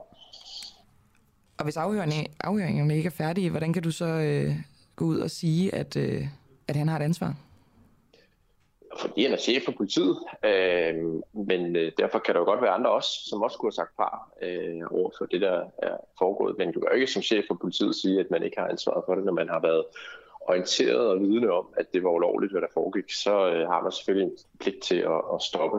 Øh, og det er det, der er fejlet her i den her sag. Det er jo at dels, at man har truffet en ulovlig beslutning til at starte med, og så dels, at der er rigtig mange mennesker, der bare har gennemført den. Selvom de godt er blevet klar over, at det har været ulovligt, så er minkaflyvningen blevet fuldt gennemført alligevel. Og det er jo øh, helt utroligt. Altså det, det er nærmest absurd, at, øh, at vi har den her diskussion, og det er absurd, at der ikke er blevet draget nogen konsekvenser endnu over for øh, alle de mennesker, som har svigtet den her sag apropos konsekvenser, apropos ansvar, altså nu giver jeg dig fuld carte blanche til at stille folk til ansvar. Kan du ikke lige nævne mig alle dem, som du synes øh, skal træde tilbage på baggrund af hele den her Mink-sag?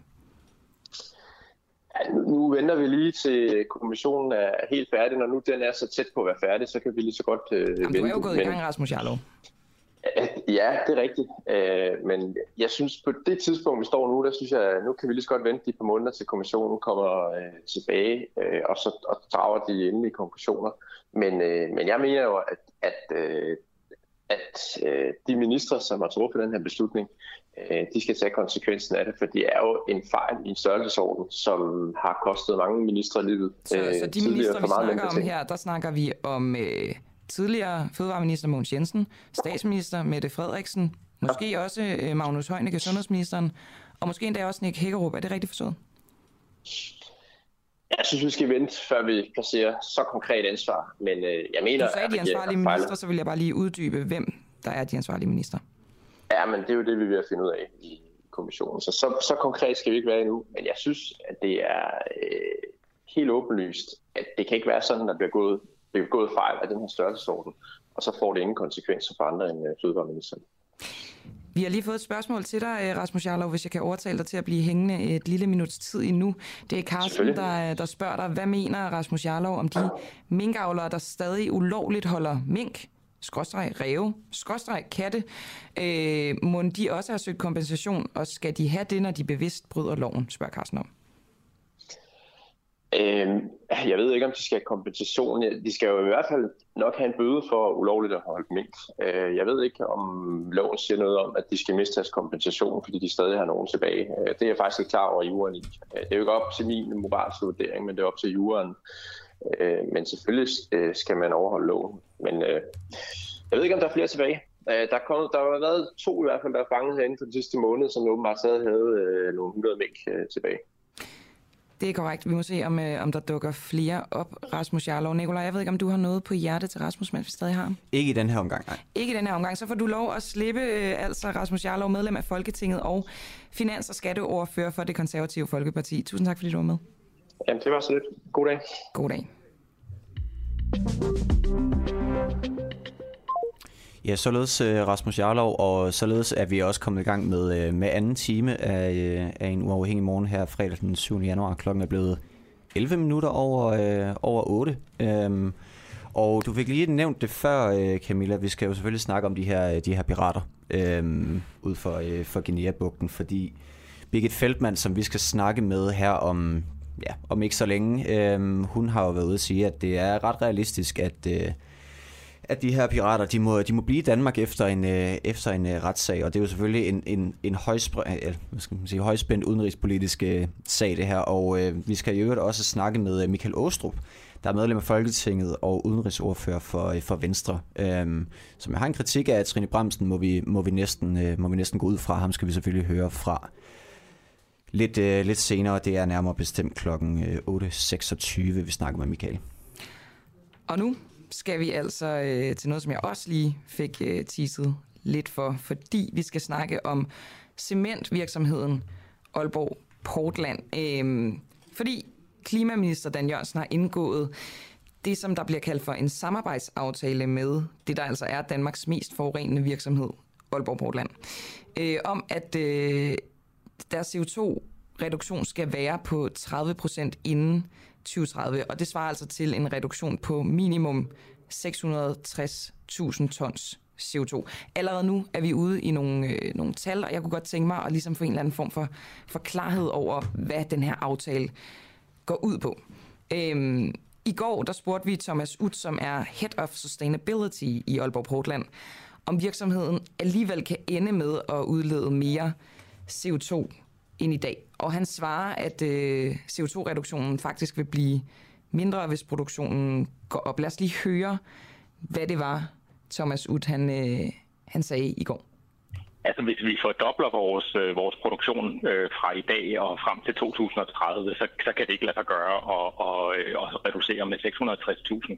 Aalborg Portlands udledninger i 2030 vil være øh, afhængige af udviklingen i deres samlede produktion. Hvis Aalborg Portlands produktion går op, vil deres CO2-reduktion derfor blive mindre. Øh, omvendt vil CO2-reduktionen blive større, hvis produktionen går ned. Ja, nu kan jeg sige øh, velkommen til dig, Martin Kolding Du er bestyrelsesmedlem i det, der hedder Klimabevægelsen i Danmark. Hvad er det gode ved øh, den her aftale mellem Aalborg Portland og øh, Dan Jørgensen? det ved jeg sgu ikke, om der er noget godt med den aftale. Altså, man laver en aftale med Danmarks største forurener, at de må udlede lige, hvad de vil.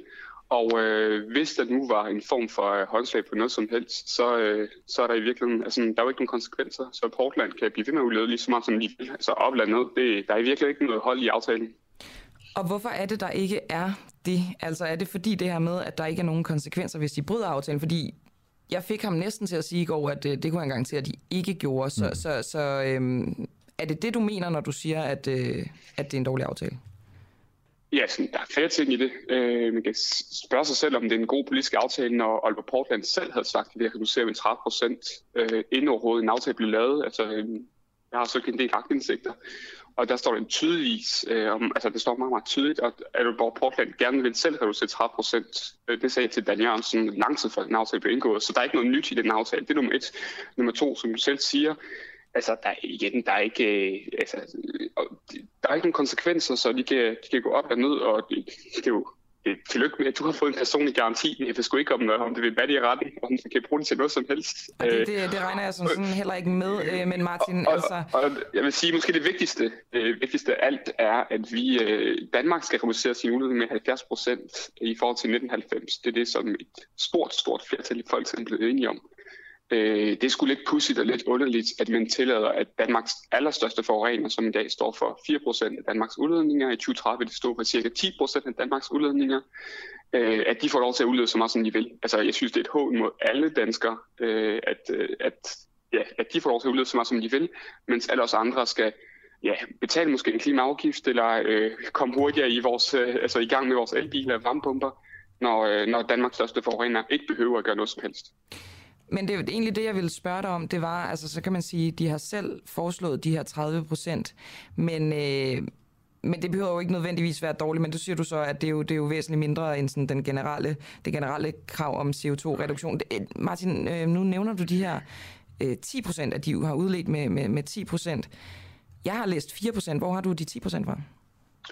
Jamen det er fordi, øh, hvis du kigger på, hvad de har tænkt sig at udlede i 2030, det er 1,6 millioner ton CO2. Det svarer til 10 procent af de udledninger, vi lige nu står til at udlede i 2030. Så det er altså fordi, de ikke reducerer med så meget, og resten af Danmark skal reducere meget mere, så deres andel af udledninger for Danmark bliver basically større over tid. Det, det, er for, det er for at sige det meget enkelt. Og det, vi skal lige, altså, det er vigtigt at minde lytterne om, at den aftale, om vi skal 30 procent, det er i forhold til øh, i 2020, hvor aftalen blev indgået, hvor de 70 procent, som vi alle sammen skal reducere, det er i forhold til 1990. Og det vil sige, at i virkeligheden, hvis du kigger på øh, den aftale, de har indgået med Dan Jørgensen, der er det faktisk ikke 30 procent i forhold til 1990. Det svarer til 0 procent i forhold til 1990. Så de, de har faktisk lavet en aftale, at de ikke skal reducere med noget som helst i forhold til hvad også alle os andre skal reducere med, som er 70 procent. Så det, det er et hån mod danskerne. Det er det, det er. Men, men er det korrekt forstået, at altså per enhed cement, de producerer, der skal de reducere med 30 procent CO2? Ja, det er rigtigt. Det er i hvert fald den aftale, som de har indgået, men igen, så hvor der ikke er nogen konsekvenser, hvis de ikke gør det.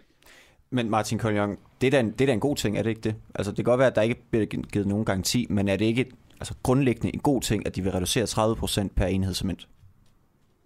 Jo, altså det, jeg synes, det er lidt underligt at sige, det er, jo, det er en, en relativt god ting, men øh, det er jo nok. Øh, igen, resten af landet skal reducere med 70 procent for at øh, holde temperaturen nede øh, altså i kloden på, på under halvanden grad, som er det, vi aftalte i Paris øh, i 2015.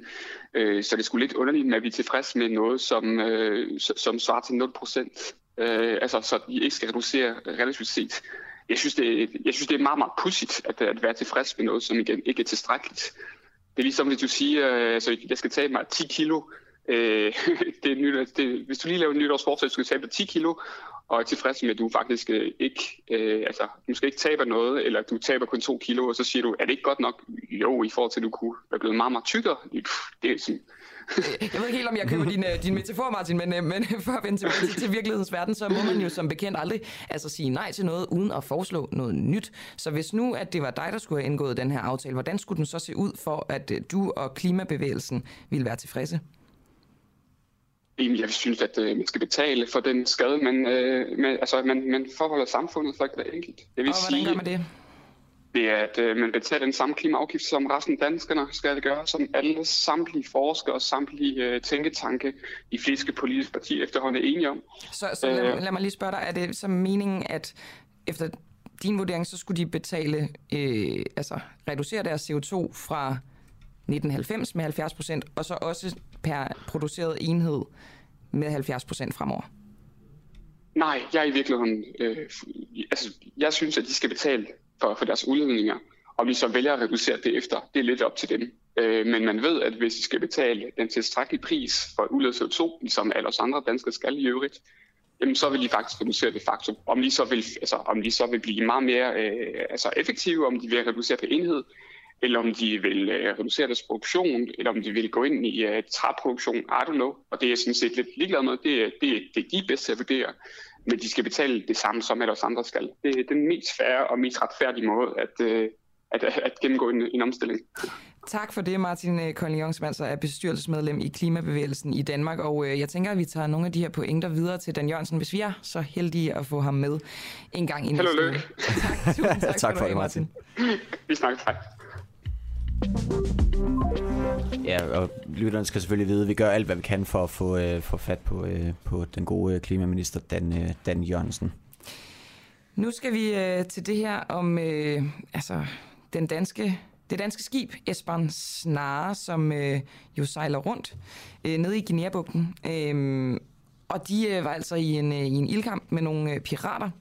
Og øh, det endte altså med, at øh, der kom nogle pirater ombord på Esbern Snaren, og tre ud af de fire formodede pirater, der blev tilbageholdt på, øh, på Esbern Snare i november, skal nu løslades. Og det skal vi altså snakke med, øh, med Birgit Feldmann om, som er professor i havret på Aalborg Universitet, hvordan det ligesom, øh, det ligesom hænger sammen. Øh, og ja, altså bare generelt det der med, hvordan foregår det rent praktisk, hvis nogle pirater skal løslades. Jeg så sådan og forestillede mig i går, skal de sejles ud i en gummibåd, eller... Bagbindes og sætte sin, øh, løs en gummibåd ude, øh, ude for kysten, og så kan de drive ind. Ej, eller, eller bare simpelthen gå planken ud. Ej, den joke måtte jeg ikke lave. Nå, nu, øh, nu stopper jeg med, med mine åndssvage øh, piratbilleder. Birgit Feldmann, du er øh, mere seriøs inden for pirateri, for du er professor i havret på Aalborg Universitet, og altså ekspert i netop pirateri. Godmorgen. Godmorgen.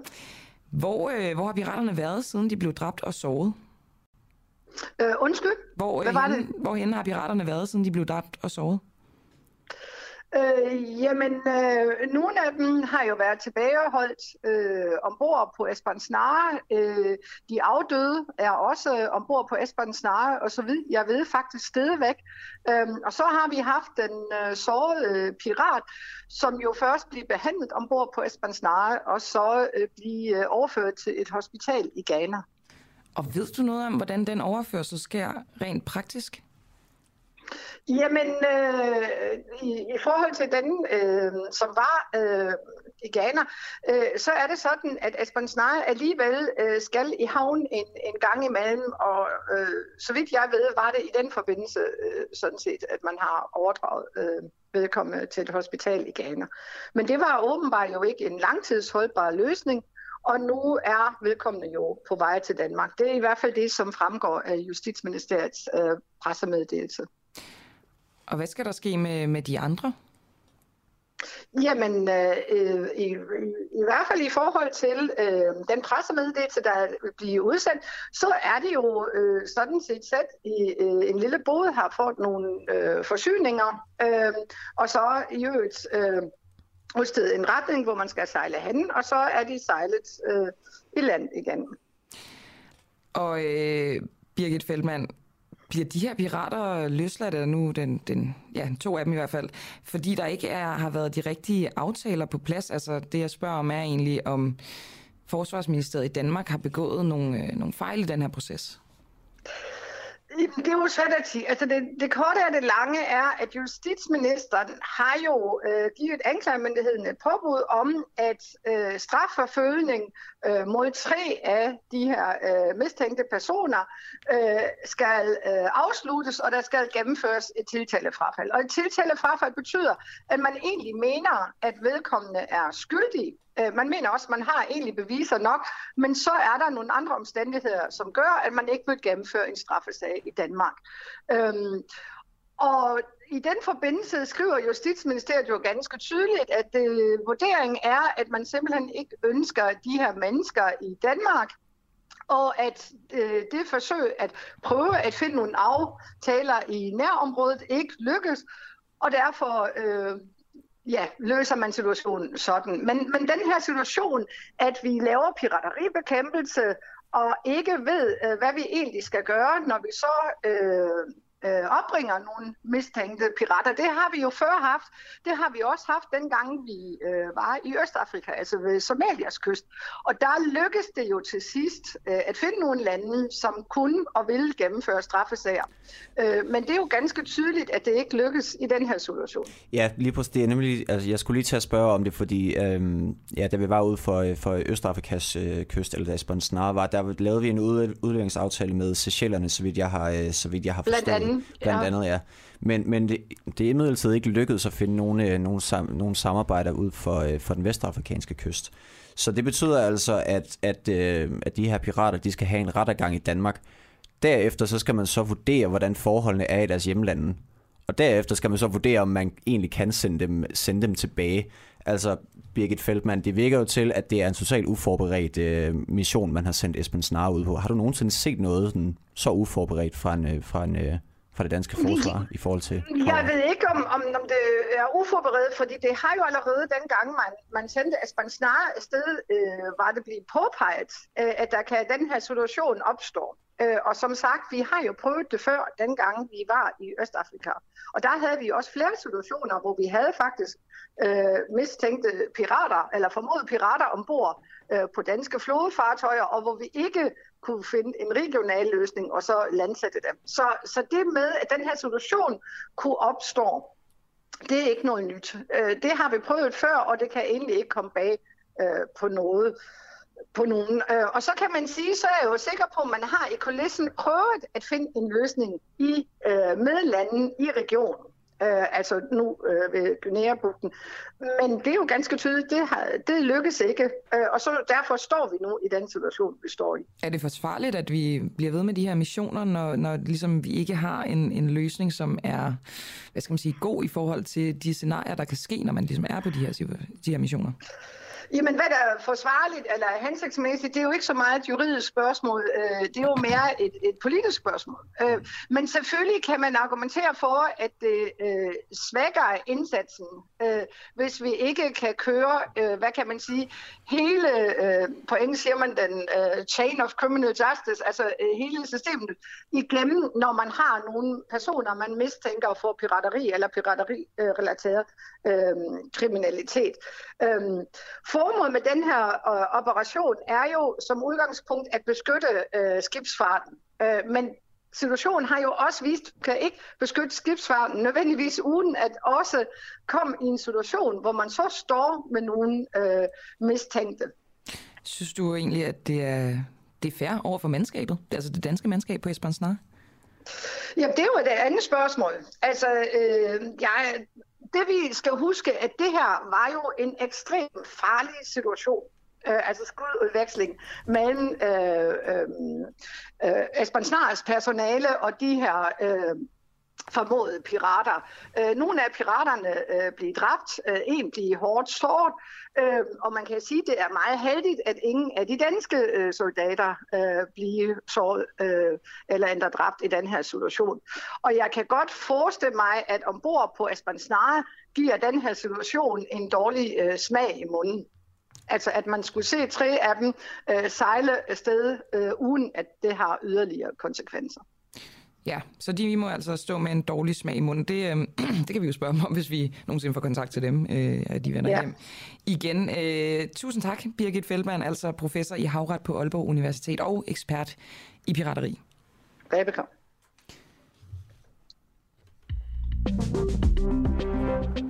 Ja, således Birgit, uh, Birgit Feldmann. Jeg tager, lidt, uh, jeg tager lidt hurtigt blik ud i, uh, ud i verden, og det drejer sig om USA, Rusland og Kazakhstan. Vi har jo fulgt øh, trætrinsraket. Lige på, en meget, meget gylden trætrinsraket, fordi øh, USA har sådan i kølvandet på, at øh, Kazakhstan har bedt om assistance fra de russiske tropper, været, øh, været ude at advare Rusland imod at krænke rettigheder i Kazakhstan, som de udtrykker det. Verden følger udviklingen, hedder det i en erklæring for øh, torsdag fra det amerikanske udenrigsministerium, det skriver Reuters. USA og altså hele verden følger med i, hvorvidt der skal krænkelser af menneskerettighederne i Kazakhstan, siger talsmand Ned Price i det øh, amerikanske udenrigsministerium.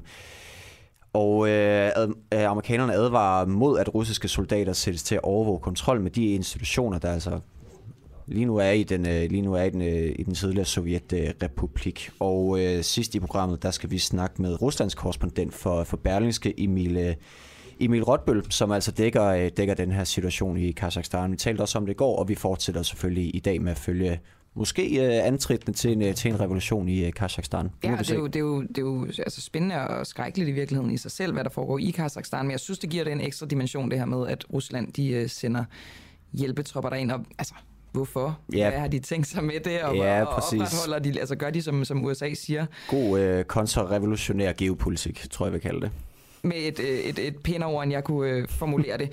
Nu skal vi øh, tilbage til Esbern Snare, ikke bogstaveligt talt, men, øh, men sådan tematisk, fordi nu har vi øh, Michael Åstrup Jensen, som er medlem af Folketinget og udenrigsordfører for Venstre med.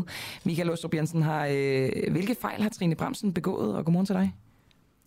Jamen godmorgen. Øh, jeg synes jo, at øh, hun har lavet den fejl, at hun ikke har gjort det, som hun faktisk stillede Folketinget i udsigt tilbage i april sidste år nemlig at få forhandlet en fangeaftale på plads.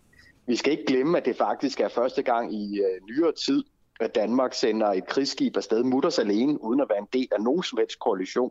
Det er regeringens forslag, at man gør det på den måde. Men så havde vi altså også en forventning om, at man havde lavet sit hjemmearbejde, øh, og så derfor så havde forhandlet den aftale på plads, som man som sagt lovede Folketinget. Og du vil jo øh, så til den her sag. Jeg skal lige før jeg spørger om det. Er det den eneste fejl, der er blevet begået i den her sammenhæng? Det med fangeaftalen? Nej, det er det ikke. Altså, så er der også en ren proces, kan man kalde det måske, men alligevel alvorlig fejl. Det er, at vi ikke vidste. Altså, øh, øh, forsvarsministeren øh, stillede øh, sådan en aftale i udsigt, også da skibet sejlede afsted i oktober. Øh, og derfor så øh, havde vi alle taget en forventning om, at det var på plads. Og hvis da det nu jo er tydeligt for enhver, at det ikke var på plads, jamen så havde vi da en forventning om, at Folketing, undskyld, regeringen selvfølgelig inddrog Folketinget via for eksempel udenrigspolitisk nævn eller andet i den her alvorlige øh, mangel i, at vi ikke har sådan en aftale. Men, men lige blev, altså, blev I ført bag lyset? Vi er i hvert fald ikke blevet informeret, lad os sige det på den måde. Altså, føler du, tror du, at det var det, der var meningen, at, at de ligesom ville, ville øh, undgå at informere jer, fordi aftalen ikke var på plads, men de gerne ville have skibet afsted? Jeg tror simpelthen, at de var i øh, øh, store problemer, øh, og øh, jo til det sidste sikkert har forhandlet en aftale på plads, øh, og derfor havde regnet med, at den kom på plads. Men øh, det er jo tydeligt for enhver nu, det gjorde den ikke. Øh, og derfor skulle man selvfølgelig have inddraget, øh, i hvert fald udenrigspolitisk nævn, inddraget udenrigspolitisk nævn øh, for, for uger siden.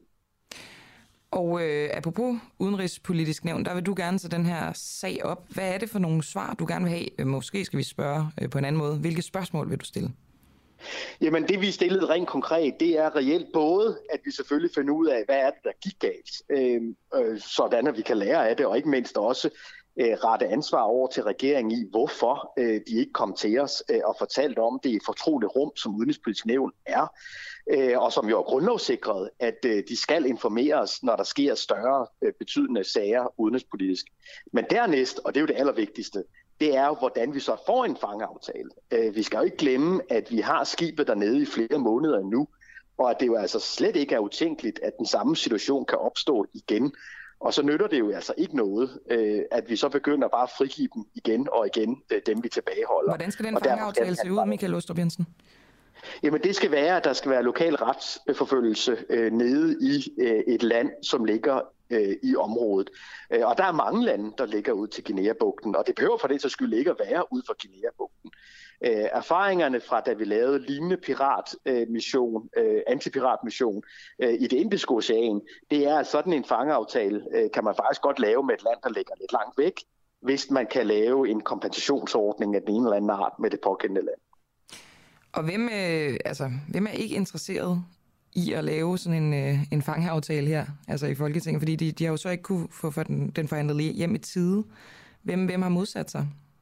Og det er jo det, øh, en af de mange øh, spørgsmål, som vi simpelthen ikke kender svaret på i dag. Øh, og det er jo derfor, det er så vigtigt, at vi får det møde i udenrigspolitisk nævn rigtig, rigtig hurtigt. Altså, da vi fik kendskab til, at regeringen ville øh, frigive de her pirater og tage den ene endda hjem til Danmark i går, jamen så tog jeg selvfølgelig straks initiativ til at bede om at få det her møde hurtigst muligt. Og vi ved ikke nu, hvornår det bliver, men vi håber og tror på, at det bliver løbet af få dage. Øh, og så har vi selvfølgelig et hav af spørgsmål, der blandt det, du selv har stillet. Øh, lige nu, fordi jeg kender ikke svaret på det, desværre. Det hvor, hvor stort et problem er det, at øh, en af de her pirater nu har kursen mod Danmark? Jamen, jeg synes, det er ekstremt problematisk, fordi i værste tilfælde, jamen så er det jo, at det rygtes nu, øh, at det faktisk er godt at blive tilbageholdt øh, af danske soldater, fordi punkt 1, du bliver i hvert fald, det værste du kan ske, det er at blive frigivet igen, men måske endda kan du få en fast track til Vesteuropa, som rigtig, rigtig mange af dem gerne vil. Skulle øh, de her frimænd på Esbern Snare så have, øh, have lavet den her piratkupplanken ud i stedet for?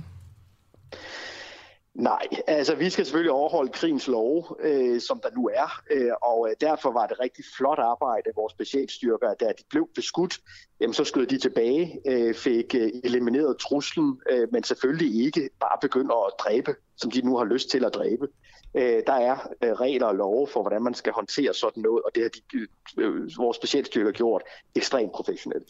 Martin Åstrup, øh, eller Michael Åstrup, undskyld. Jeg har lige et, et hurtigt spørgsmål, fordi øh, da Esben Snare sejlede rundt øh, ud, for, øh, ud for Østafrika, der, øh, der gik der også forlyden om, at piraterne var glade for at blive fanget af, af, af, af, af den danske fregat, fordi at øh, rygterne gik på, at øh, russerne og kineserne skød piraterne og smed dem over bord.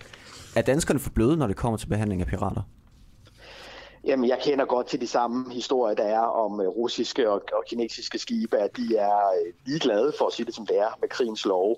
Men det skal vi ikke være. Altså, vi er et demokrati, uh, og vi har selvfølgelig, skal vi overholde de regler og love, vi selv har været med til at skrive under på. Men er lovene for bløde? Det er det, jeg spørger om, Åstrup. Jamen, svaret er, at, at, at, at det er de jo ikke. Altså, jeg synes jo ikke, at hvis der står nogle pirater, som overgiver sig, altså, så skal man bare sige, okay, jamen, nu skyder vi bare løs. Altså, det må jeg indrømme, det synes jeg ikke.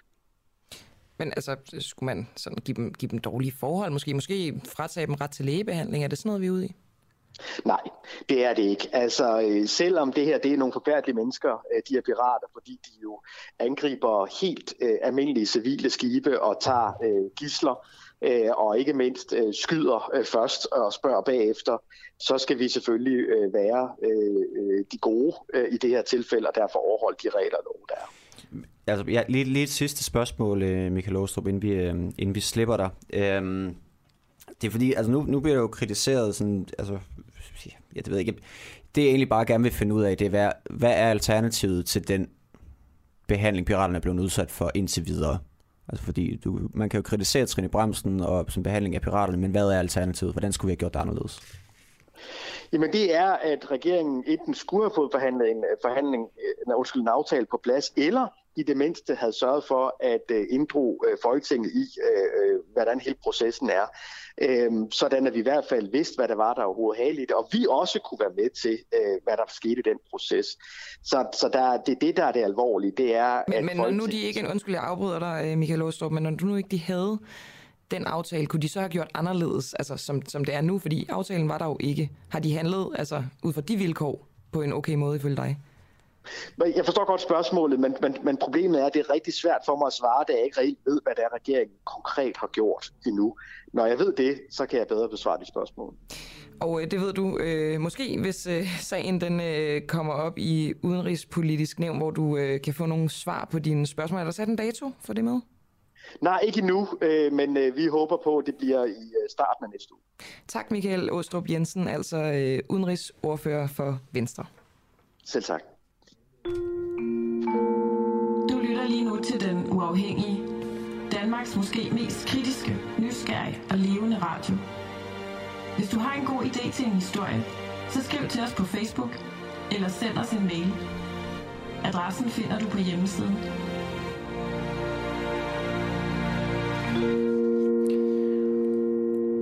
Vi har lige fået en, øh, fået en besked, og det er en... Øh, det er, en, det er faktisk en rettelse af, af os i forhold til vores interview med Martin, øh, Martin Conignon. Det er Ole Weibel, der skriver, kald ikke CO2 for forurening, for det er det ikke. Det er en naturlig gasart, vi ikke kan leve uden. Kald i stedet udledning, fordi det er korrekt. Åh oh, gud, jamen altså, det, det beklager jeg, og det tror jeg aldrig, jeg glemmer igen. Nej, tak for det, tak for det, Ole. Ja, og skriv ind, endelig altid ind med både, altså, både den slags øh, korrektioner, men jo også, hvis, øh, hvis I er glade eller utilfredse. Meget gerne. Jeg, jeg kan rigtig godt lide at få, få efterkritik. Det synes jeg virkelig er, er fedt. Så tusind tak for det. det, det. Og et af de steder, vi, øh, vi kan få efterkritik, det er jo inde i vores øh, redaktionslokale, som er på, øh, på Facebook. Og det er, jo, det, er, altså, det er jo en eksklusiv ting, man kan få, hvis man melder sig ind i, hos den uafhængige. Det koster 39 kroner i måneden, eller 345 for et, for et helt år. Og det sker altså på vores hjemmeside, duah.dk, eller også kan du sende en skøn en lille sms afsted til os. Det sker på øh, 1245. Du skriver UA i beskeden, og så modtager du en besked med et link, hvor du kan øh, melde dig ind. Og det øh, det er meget, meget nemt. Og øh, vi har 4.000 medlemmer lige nu, og vi vil selvfølgelig hjertens gerne flere, så vi kan udvide vores, øh, vores flade. Og jeg kan afsløre så meget, at det er vi faktisk i gang med.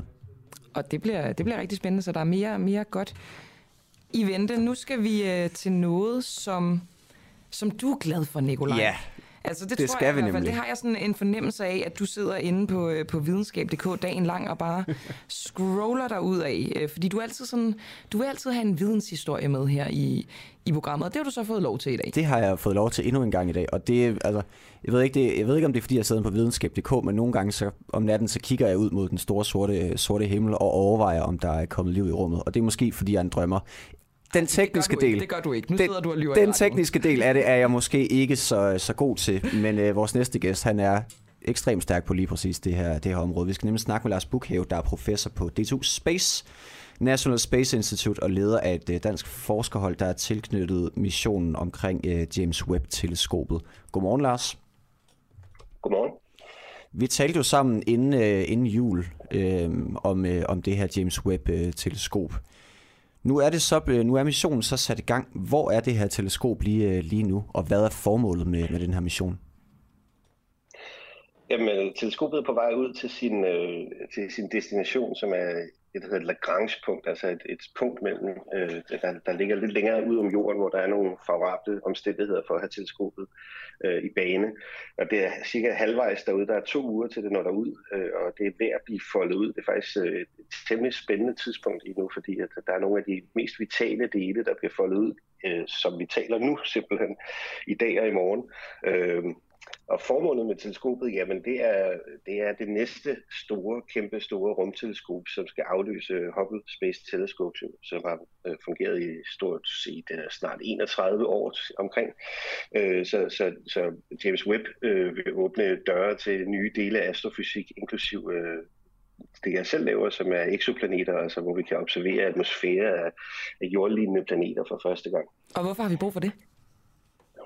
Jamen, det er jo enormt interessant at vide, om vi er alene i universet i virkeligheden. Det vi har fundet ud af de sidste par år, det er, at øh, jordlignende planeter, altså planeter på størrelse med vores egen jord, som har en fast overflade og muligvis atmosfære, øh, de er ekstremt almindelige.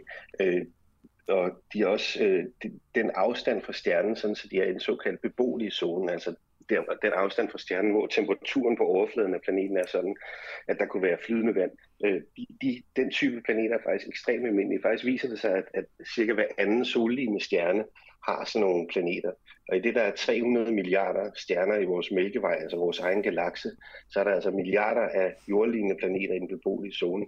Men vi har endnu ikke kigget på miljøet eller atmosfæren og hvordan overfladeomstændighederne er øh, på de planeter. Det har ikke kunne være muligt, men det er altså det, James Webb åbner op for, at vi for første gang kan, kan observere atmosfæren af en jordlignende planet, og så finde ud af, om der faktisk er omstændigheder, som, som øh, kunne fordre liv, som vi kender det her på jorden og, og i virkeligheden åbne for det her enormt store spørgsmål, øh, om vi, er, om vi er alene i universet.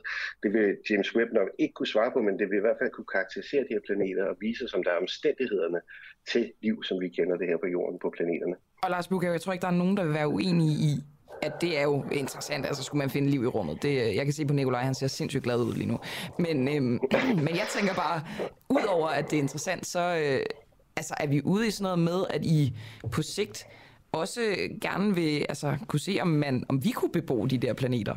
Og, fordi nu snakker vi jo klimakrise og så videre. Altså, det kunne da være rigtig skønt, at der fandtes en anden planet, som ikke var ved at øh, slå sig selv ihjel øh, med CO2, som vi simpelthen kunne, øh, kunne tage op på. Ja, det er jo sådan, at universet er et meget, meget, meget, meget, meget stort sted, og, og der er ekstremt langt ud til bare den nærmeste stjerne. Så øh, hvad hedder det? Den nærmeste stjerne er 4,3 lysår væk, det vil sige, at det tager lyset, som jo bevæger sig med 300.000 km hvert sekund. Det tager lyset 4,3 år at nå ud til den nærmeste stjerne. Og vores mælkevej er 100.000 lysår i diameter, så det vil sige, at det tager 100.000 år for lyset at bevæge sig fra den ene ende af vores galakse til den anden, så den er altså ekstremt stor. Der er ikke nogen, øh, hvad skal man sige, mulighed lige nu for at, at bevæge mennesker så langt væk. Altså selv vores Øh, det menneskeskabte objekt, der er længst væk fra jorden, det er Voyager 1 og 2 øh, sonderne, som blev sendt op i 70'erne, 1970'erne, og de er altså kun lige øh, smuttet ud af vores eget solsystem nu, øh, på de her 40 år cirka, at de har bevæget sig væk, og det vil altså tage Øh, tusindvis af år, 10.000 vis af år, bare øh, at nå den nærmeste stjerne med et rumskib med den teknologi, vi har. Og der er ikke engang rigtig noget på bedring, der kan lave om på det. Så at flytte ud og bevæge sig ud til de nærmeste stjerner og planetsystemer, det er nok ret urealistisk. Øh, i hvert fald i, i den meget, meget, øh, skal man sige, faktisk på den lange bane også. Paris. Øhm, Lars Bukhav, nu nævner du, øh, du nævner selv Hubble-teleskopet, som altså bliver afløst af det her 70 milliarder kroner dyre øh, James, øh, James Webb-teleskop. Du nævner også, sådan, at, at, at vi lige nu er inde i sådan en afgørende tid for det her teleskop, fordi det er ved at, du nævner, var det ved at samle sig, og der er nogle af de her sådan, tekniske vidunder på selve teleskopet, der er ved at folde sig ud. Hvad er det præcis for nogle, yeah. for nogle komponenter, der er, ved at, der er ved at folde sig ud nu? Jamen, det er sådan, at, øh, at når et rum, altså et teleskop skal sendes op, så kan du ikke have foldet et spejl, der er 6,5 meter i diameter ud, kan man næsten regne ud, på toppen af en øh, bravende raket, som sender det op. Øh, Udover det, så har det et meget stort skjold, et solskjold, fordi det her øh, teleskop skal observere det infrarøde, altså varmestråling, og det skal altså, øh, vi skal altså dæmpe stro, øh, lyset fra solen. Solen rammer jo det her teleskop med det øde rummet, så der er sådan et kæmpestort varmeskjold, som er på størrelse med en tennisbane, som også skal foldes ud. En tennisbane i øvrigt med fem lameller nedenunder, altså fem tennisbaner oven på hinanden, som skal foldes ud nedenunder teleskopet. Og lige præcis det med det, øh, det der øh, solskjold, så det er blevet foldet ud i går faktisk. Og det var måske en af de allermest kritiske øh, øh operationer faktisk, for det, det skal altså virkelig virke, og det er meget, der er, man kan ikke komme ud til det her teleskop. Det er så langt væk allerede nu, vi ikke kan servicere det. Det er øh, så, så langt væk, at der ikke er nogen, der kan komme efter det og fikse det, hvis det går i stykker. Og det var netop en af de ting, der øh, voldte problemer med teleskopet, og også en af grundene til, at det blev så meget dyrere, fordi at det, var, det var meget, meget mere vanskeligt, end man havde forventet. Det lykkedes altså at folde det her skjold ud, så det er ekstremt spændende, og lige nu så er hovedspejlet, altså det her 6,5 meter i diameter, kæmpe store spejl, det er ved at folde sig ud, så vi uh, sidder og taler her i dag. Mm. Og i morgen vil, vil James Webb være fully deployed, altså det vil sige, alt vil være foldet ud og, og, øh, og, og, og klar til sådan set at observere.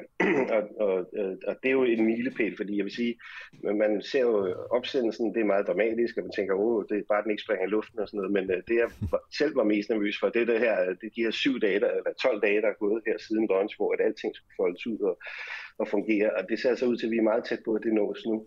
Øh, så, så det, der så, så nu skal ske, det er, at teleskopet skal fortsætte sin, øh, sin rejse ud til det her Lagrange-punkt, altså to uger mere skal det bevæge sig ud. Og de næste mange måneder indtil, øh, indtil cirka maj næste år, der skal teleskopet køle af. Alting skal testes og kalibreres osv. videre. Men de, de værste ting, de er næsten overstået. Så hvis vi krydser fingre, øh, alle krydser fingre Jeg krydser mine i hvert fald. til i morgen, det er godt, så, så, øh, så håber vi, at de sidste vigtige ting her, netop med at folde spejlet ud for eksempel, det er jo ekstremt vitalt selvfølgelig, mm. at det går godt. Øhm, og så er James Webb altså snart klar til at, at observere spændende ting. Så altså det blev sendt ud, øh, som du også nævner, øh, den, 25. den 25. december, altså ved at folde sig ud, og så skal man teste osv. Har, øh, har det her teleskop afsløret nogle hemmeligheder endnu, eller er man ikke nået så langt i, i processen? Ej, det har, ja, det har, det har ikke engang foldet spejlet ud endnu, så det kan Nej. ikke se noget endnu. Nej. Det er det, der sker lige nu, som vi taler, så altså, det har ikke kigget på noget, og vi vil ikke se nogle observationer rigtigt fra James Webb, før det nåede punkt 2, og før det er kølet af. Det er jo langsomt at køle af fra den temperatur, det havde på jorden. Øh, det skal ned til 40 Kelvin, altså 40 grader over det absolut nul, nulpunkt, som er minus 273 grader. Så det er på vej til at blive kølet langsomt ned. Øh, og det, der går en rumtid for, at James Webb vil kigge på noget, og i det øvrigt, det første, den vil gøre, det er nogle kalibreringsobservationer øh, osv., som, øh, som er mindre interessante. Men Science-programmet starter cirka, hvis alt går som planen, øh, til, til sommer, altså maj-juni-agtigt. Og det er der, vi kan forvente de første observationer. Og, og vores hold kigger med spænding, fordi vi har fået tid til at observere en jordlignende exoplanet, og det vil, hvis vi er de første, der gør det, så er det første gang, vi ser på en atmosfære af en planet på størrelse med vores egen jord, øh, og får et indblik i, hvad der er for et miljø på sådan nogle planeter for første gang. Lige for at vende tilbage til sådan en, en, en forskel mellem James Webb-teleskopet øh, og så, øh, så Hubble-teleskopet, øh, undskyld. Kan det passe, at jeg har set, øh, at jeg har set nogle tal på, at, at James Webb-teleskopet kan se over dobbelt så langt ud i et konstant udvidende univers, og dermed kunne komme tættere på sådan, universets begyndelse. Er det, er det korrekt forstået? Ja, det er rigtigt. Altså, øh, James Webb, en af de store forskelle selvfølgelig ud over størrelsen, øh, er, at øh, James Webb observerer i det infrarøde, og Hubble observerer i det optiske lys, altså det, hvor vi selv ser med øjnene infrarødt, det er altså varmestråling. Og når du kigger langt væk i universet, universet udvider sig, og dermed bliver lyset rødforskudt, altså det vil sige, det bliver, det bliver ændret bølgelængde til, til, de, til de mere røde og varmere, altså varmestrålingsbølgelængder. Og i det, at James Webb er mest følsom der i det, det infrarøde, så vil det kunne se galakser, øh, de første galakser faktisk, som, øh, som hvis lys er rødforskudt, når det ankommer her til jorden. Så det er netop designet til at kigge langt tilbage i tiden, kigge på de første galakser og noget af det første, der skete i universet i det hele taget. Så, så James Webb har mange anvendelsesmuligheder inden for astrofysikken, så, øh, så men altså, det her det er en af de vigtige ting, det er at kigge på det tidlige univers. Det er i virkeligheden det, der var driveren til at lave teleskopet i sin tid. Og da, da teleskopet blev opfundet, eller øh, hvad skal man sige, øh, ikke opfundet, men at det ligesom blev født, og tankerne omkring det, der, der, fandt, der havde vi ikke engang set den første exoplanet endnu. Så, så, så det Lars, går altså hurtigt inden for astrofysik. Lars, jeg var simpelthen nødt til at afbryde dig, fordi jeg får at vide, at vi skal, øh, vi skal videre. Jeg kunne blive ved med at tale om det her i, i, flere, i flere timer, og du bruger jo også garanteret også mange timer på det. Øhm, Lars, du skal have mange tusind tak for, øh, for at du var med. Det kan godt være, at vi ringer til dig igen, når, øh, når vi gerne vil vide mere. Det er helt i orden. Tak skal du have. Selv tak. I hvert fald, hvis du får lov til at bestemme, Nikolaj. Det, det er meget sjovt at se, altså, øh, hvordan din, øh, din ansigtstræk ligesom ændrer sig, når du får lov til at tale om, om det ydre. Det evigt udvidende univers. Men altså, nu skal vi også det, og det er jo derfor, at øh, jeg tænker, at vi bliver nødt til at sige farvel til den kære Lars, fordi vi også skal nå at, øh, at runde Kazakhstan. Altså, det er jo, det er jo helt vildt. Det er jo ja. ikke et land, man som sådan hører så forfærdeligt meget om ellers. Altså, jeg tror, der er mange, der er sådan, åh, Borat. Og så er der mig, som går meget op i cykelsport og, og et hold, som, øh, som Jakob Fuglsang for eksempel har kørt på, som hedder Astana, ja. som er sådan et statsstøttet cykelhold. Øhm, men derudover, altså, der, det er jo ikke noget, man, man hører i nyhederne hver eneste dag. Og nu er der altså udbrudt det, som man kan kalde revolutionslignende tilstanden. Og de de er altså opstået på baggrund af det her med, at der har været prisstigninger på brændstoffer, så begynder man straks at tænke øh, på de gule veste i Frankrig. Det er sådan, at øh, regeringen er gået af. Det er, jo også, det er også noget, der lugter af revolution, ikke? Men det her oprør, det bliver altså ved med at, at fortsætte, og så er det interessant jo, at, øh, at Rusland har sendt, så vidt jeg er orienteret, deres øh, tropper ind i landet for ligesom at, at hjælpe med at, at få styr på, på, på situationen dernede. Øhm, og det skal vi tale med Emil Rotbøl, som er øh, Ruslands korrespondent for Berlingske, om. Jeg ved faktisk ikke, hvor han befinder sig om det. Jeg tror måske, han befinder sig i Rusland. Jeg tror, vi ringer til ham via WhatsApp, så han er i hvert fald ikke inden for, øh, for Danmarks grænser, så meget kan jeg afsløre. Vi snakkede jo med, øh, med Flemming Splidsbol fra Dansk øh, Institut for Internationale Studier i går, øh, som altså fortalte os, at det ikke bare er nok for de her mennesker, der er på gaden, at, den, at, at præsidenten er gået af. Der er faktisk flere hoveder, der skal, øh, der skal rulle. Og øh, ja, det er jo, som, som du siger, et land, man ikke har hørt, øh, man ikke har hørt så meget om, og de har måske dækket, altså, dækket sig en lille smule ind. Men i hvert fald dem, der er på gaden, det er mere et oprør imod et sygt øh, politisk øh, system, som, øh, som vi fik at vide i går. Øh, og nu har vi øh, Emil, øh, Emil Rotbøl med et, øh, et oplagt korrespondensspørgsmål til Emil Rødbøl, det er, hvor befinder du dig henne, Emil? Jeg befinder mig i Moskva lige nu. Altså i Rusland, og ikke... Hvorfor er du ikke i Kazakhstan? Øh, det er et godt spørgsmål. Øh, dels øh, så har jeg så har det været vist sig utroligt svært at komme ind i Kazakhstan for udenlandske journalister. Dels er der nogle, nogle praktiske årsager, som gør, at jeg er nødt til at blive i Moskva for at få min akkreditering her på plads. Alright, øh, men så lad os, altså du, øh, du er jo stadig fuldstændig opdateret på, hvad der foregår i øh, Kazakhstan, så hvad, hvad, hvad er de mest sindssyge ting, der ligesom er sket i de kazakhstanske gader?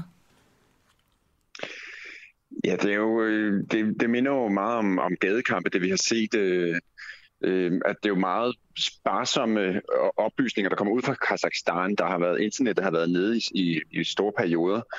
Så det er svært ligesom at få bekræftet, hvad der faktisk foregår. Øh, men det billede, som, som danner sig nu, er, at øh, der er blevet dræbt, øh, ja, i hvert fald øh, flere end 20 øh, demonstranter eller øh, oprør, eller hvad vi skal kalde dem, øh, herhen øh, alene i, i den store by Almaty, som er den gamle hovedstad, som ligesom er den største by i landet. Og hvem er de blevet dræbt af? Øh, er, er sikkerhedsstyrker. Og samtidig så skulle der være dræbt Og det er regeringens 18 sikkerhedsstyrker. Det er bare lige for at få det helt på plads. Ja, det er regeringens sikkerhedsstyrker. Ja. Og der skal være dræbt 18 sikkerhedsstyrker også indtil videre. Øh, tallene kan sagtens nå at, at stige, men altså det er de tal, som, som er de officielle indtil videre. Og jeg ved ikke, om måske er det lidt for hurtigt at gå over til, til øh, Rusland, men det tillader jeg mig at gøre alligevel, fordi der er russiske styrker i Kazakhstan nu. Er det korrekt forstået? Ja, de, de ankom allerede i, øh, i går øh, som del af sådan en, en fredsbevarende mission, hvor der kommer øh, en del russiske styrker, men også styrker fra Belarus og fra, øh, fra flere andre af de her lande i den sikkerhedsorganisation, som, som de er medlem af, øh, hvor Rusland er den, er den største partner. Ved du, hvor mange øh, tropper vi taler om, altså russiske tropper? Vi har ikke set det præcise antal, men det er et sted mellem 3 og 6.000 russiske tropper, og det er til nogle 100 tropper fra, fra de andre lande. Og nu siger du, at de er medlem af den her øh, fredsbevarende øh, koalition, eller hvad man kalder det, men er det deres eneste... Er det, er det der Ruslands eneste interesse i det her? Jeg tænker bare, at øh, Rusland har det jo med at være sådan lidt uh, laissez-faire, når vi, vi snakker grænser, og, og også føre sådan lidt, uh, lidt halvekspansiv uh, politik. Har Rusland nogen interesse i Kazakhstan? Altså Rusland har kæmpe interesse i, Kazakhstan. Øh, altså det, det der er ikke rigtig nogen tvivl om. Det er det land, de har den, den største landegrænse med. Altså vi taler, Kazakhstan er jo et land på størrelse med Vesteuropa, og det ligger øh, lige, lige syd for Rusland. Øh, så, og dertil bor der flere millioner etniske russere i Kazakhstan. Så, så der er ingen tvivl om, at Rusland har ligesom sine egne årsager til at, øh, til at være meget opmærksom på, hvad der foregår, og sikre sig, at landet ikke falder fuldstændig sammen. Så er der det her spørgsmål, om de har en interesse i at holde hånden under øh, en diktator, som, som vi vel godt kan kalde øh, den nuværende præsident Tokayev. Øhm, og der er, der er en lille smule mere øh, tilbageholdende med at svare, øhm, fordi det er, jo ikke, det er jo ikke ligesom i øh, Belarus eller i Ukraine, hvor at øh, Rusland ligesom er i fare for, at Kazakhstan vender sig væk fra Rusland mod øh, øh, EU og NATO eller noget af den stil. Øh, det er mere et spørgsmål om, at de gerne vil have en stabil partner, øh, et, stabilt land, øh, eller en, ja, en stor stabil nabo i, i virkeligheden. Og så det her med, at, øh, at regeringen er gået af. Fordi da jeg læste, så tænkte jeg, oh, okay, hvad så nu? Men det er jo ikke sådan så, at øh, præsident Tokayev, han er gået af. Nej, det er Tokayev, der, der mere eller mindre har fyret regeringen. Okay. Og han har også sat sig hårdere på magten. Han har sat sig på øh, Sikkerhedsrådet, som den tidligere præsident øh, Nazarbayev ellers sad på. De lavede sådan en magtoverdragelse for tre år siden, hvor Nazarbayev, som har været ved magten siden øh, Sovjetunionens samråd, han øh, udpegede øh, Tokayev, mens han selv tog den her lidt mere tilbagetrukne rolle for ligesom at, at bevare magten. Øh, Nazarbayev er gammel, han er 81 år nu, han er syg, øh, så, så der har ligesom været tale om sådan en rullende magtoverdragelse for, for at sikre stabiliteten. Men den er ligesom den er blevet accelereret nu, kan vi i hvert fald sige. Øh, og muligvis er der også tale om et eller andet internt opgør mellem øh, eliterne i, i Kazakhstan, som, som har gjort, at det her ligesom er løbet af sporet. Øh, her til sidst, øh, Emil Rotbøl, er det nok for, for oprørende, at, at nej, det kan, det kan jeg måske sige mig selv, det ikke er, siden at der stadig er oprør, men, men hvad siger de til det her med, at han har fyret regeringen, men ikke selv går af? Måske kan jeg formulere det på en anden måde. Hvor utilfredse er de med Tokayev? Jamen, der er stadig stor utilfredshed med Tokayev, men samtidig er det et enormt mudret billede af, hvem øh, de her oprørere er, eller, eller demonstranter. Altså, dels er der en masse fredelige øh, demonstranter, som er, er sure over øh, stigende priser på brændstof. Dels er der nogle sydnedende voldelige bander, som, som ligesom har været med til at eskalere vold. Og dels er der nogle øh, ja, muligvis nogle, nogle, nogle andre kræfter på spil, som, som har nogle andre øh, politiske motiver, måske, måske fra eliterne. Så det er enormt modret, øh, hvem det egentlig er, der vil have hvad. Men vi kan i hvert fald konstatere, at, at den politiske uro fortsætter, og der er ikke nogen, der ligesom er blevet tilfredsstillet af, af situationen lige nu. Og så må vi jo se, hvor, øh, hvor længe det ligesom øh, fortsætter. Det er jo i hvert fald ikke første gang, at vi har set, at der er nogle voldsparate mennesker, der har brugt sådan et oprør som anledning til bare at gå ud og, og gå fuldstændig amok. Øhm, Emil Rotbøl, må vi godt ringe til dig en anden gang, hvis øh, situationen udvikler sig? Det gør den jo. Det må I meget gerne. Tusind tak for det, og for at du var med her i dag til altså at fortælle om situationen i Kazakhstan. Emil Rotbøl, som altså er Ruslands korrespondent for Berlingske. Ja, selv tak. Og således øh, er vi ved at være ved vejs ende, Nikolaj, efter et, et program, hvor at vi startede ud med en, hvad skal man sige, en formandsdebat, en halv en i hvert fald. Der var to ud af fire formandskandidater fra Dansk Folkeparti, der, øh, der var her og, øh, og snakker om lidt forskelligt alt fra, øh, hvordan det ligesom går internt i partiet, men også noget, øh, noget politisk. Ja. Og øh, vi sender jo ikke i weekenden, kan man sige. Vi skal også øh, have weekend, men Vi vi, skal er altså også, tilbage. vi skal også holde fri, ja. vi er tilbage igen øh, på mandag. Ja, der sidder du her sammen med, øh, sammen med øh, den gode, øh, den gode Christoffer, øh, Christoffer Lind. Jeg tror ikke, øh, der er ikke så meget andet tilbage at sige, end at ude i regien, der sad øh, Oliver Noppenau og holdt styr på, øh, på tropperne her, og øh, det var igen i dag Peter Svarts, der øh, redigerede og sammensatte øh, programmet. Ved siden af mig, der sidder Camilla Boraki, og mit navn er øh, Nikolaj Jul. Vi lyttes ved på mandag, og I må have en, en hjertelig god weekend. Hvor ville jeg gerne være gået ud på en, øh, på en lækker jingle der. Den Kommer får jeg. Thank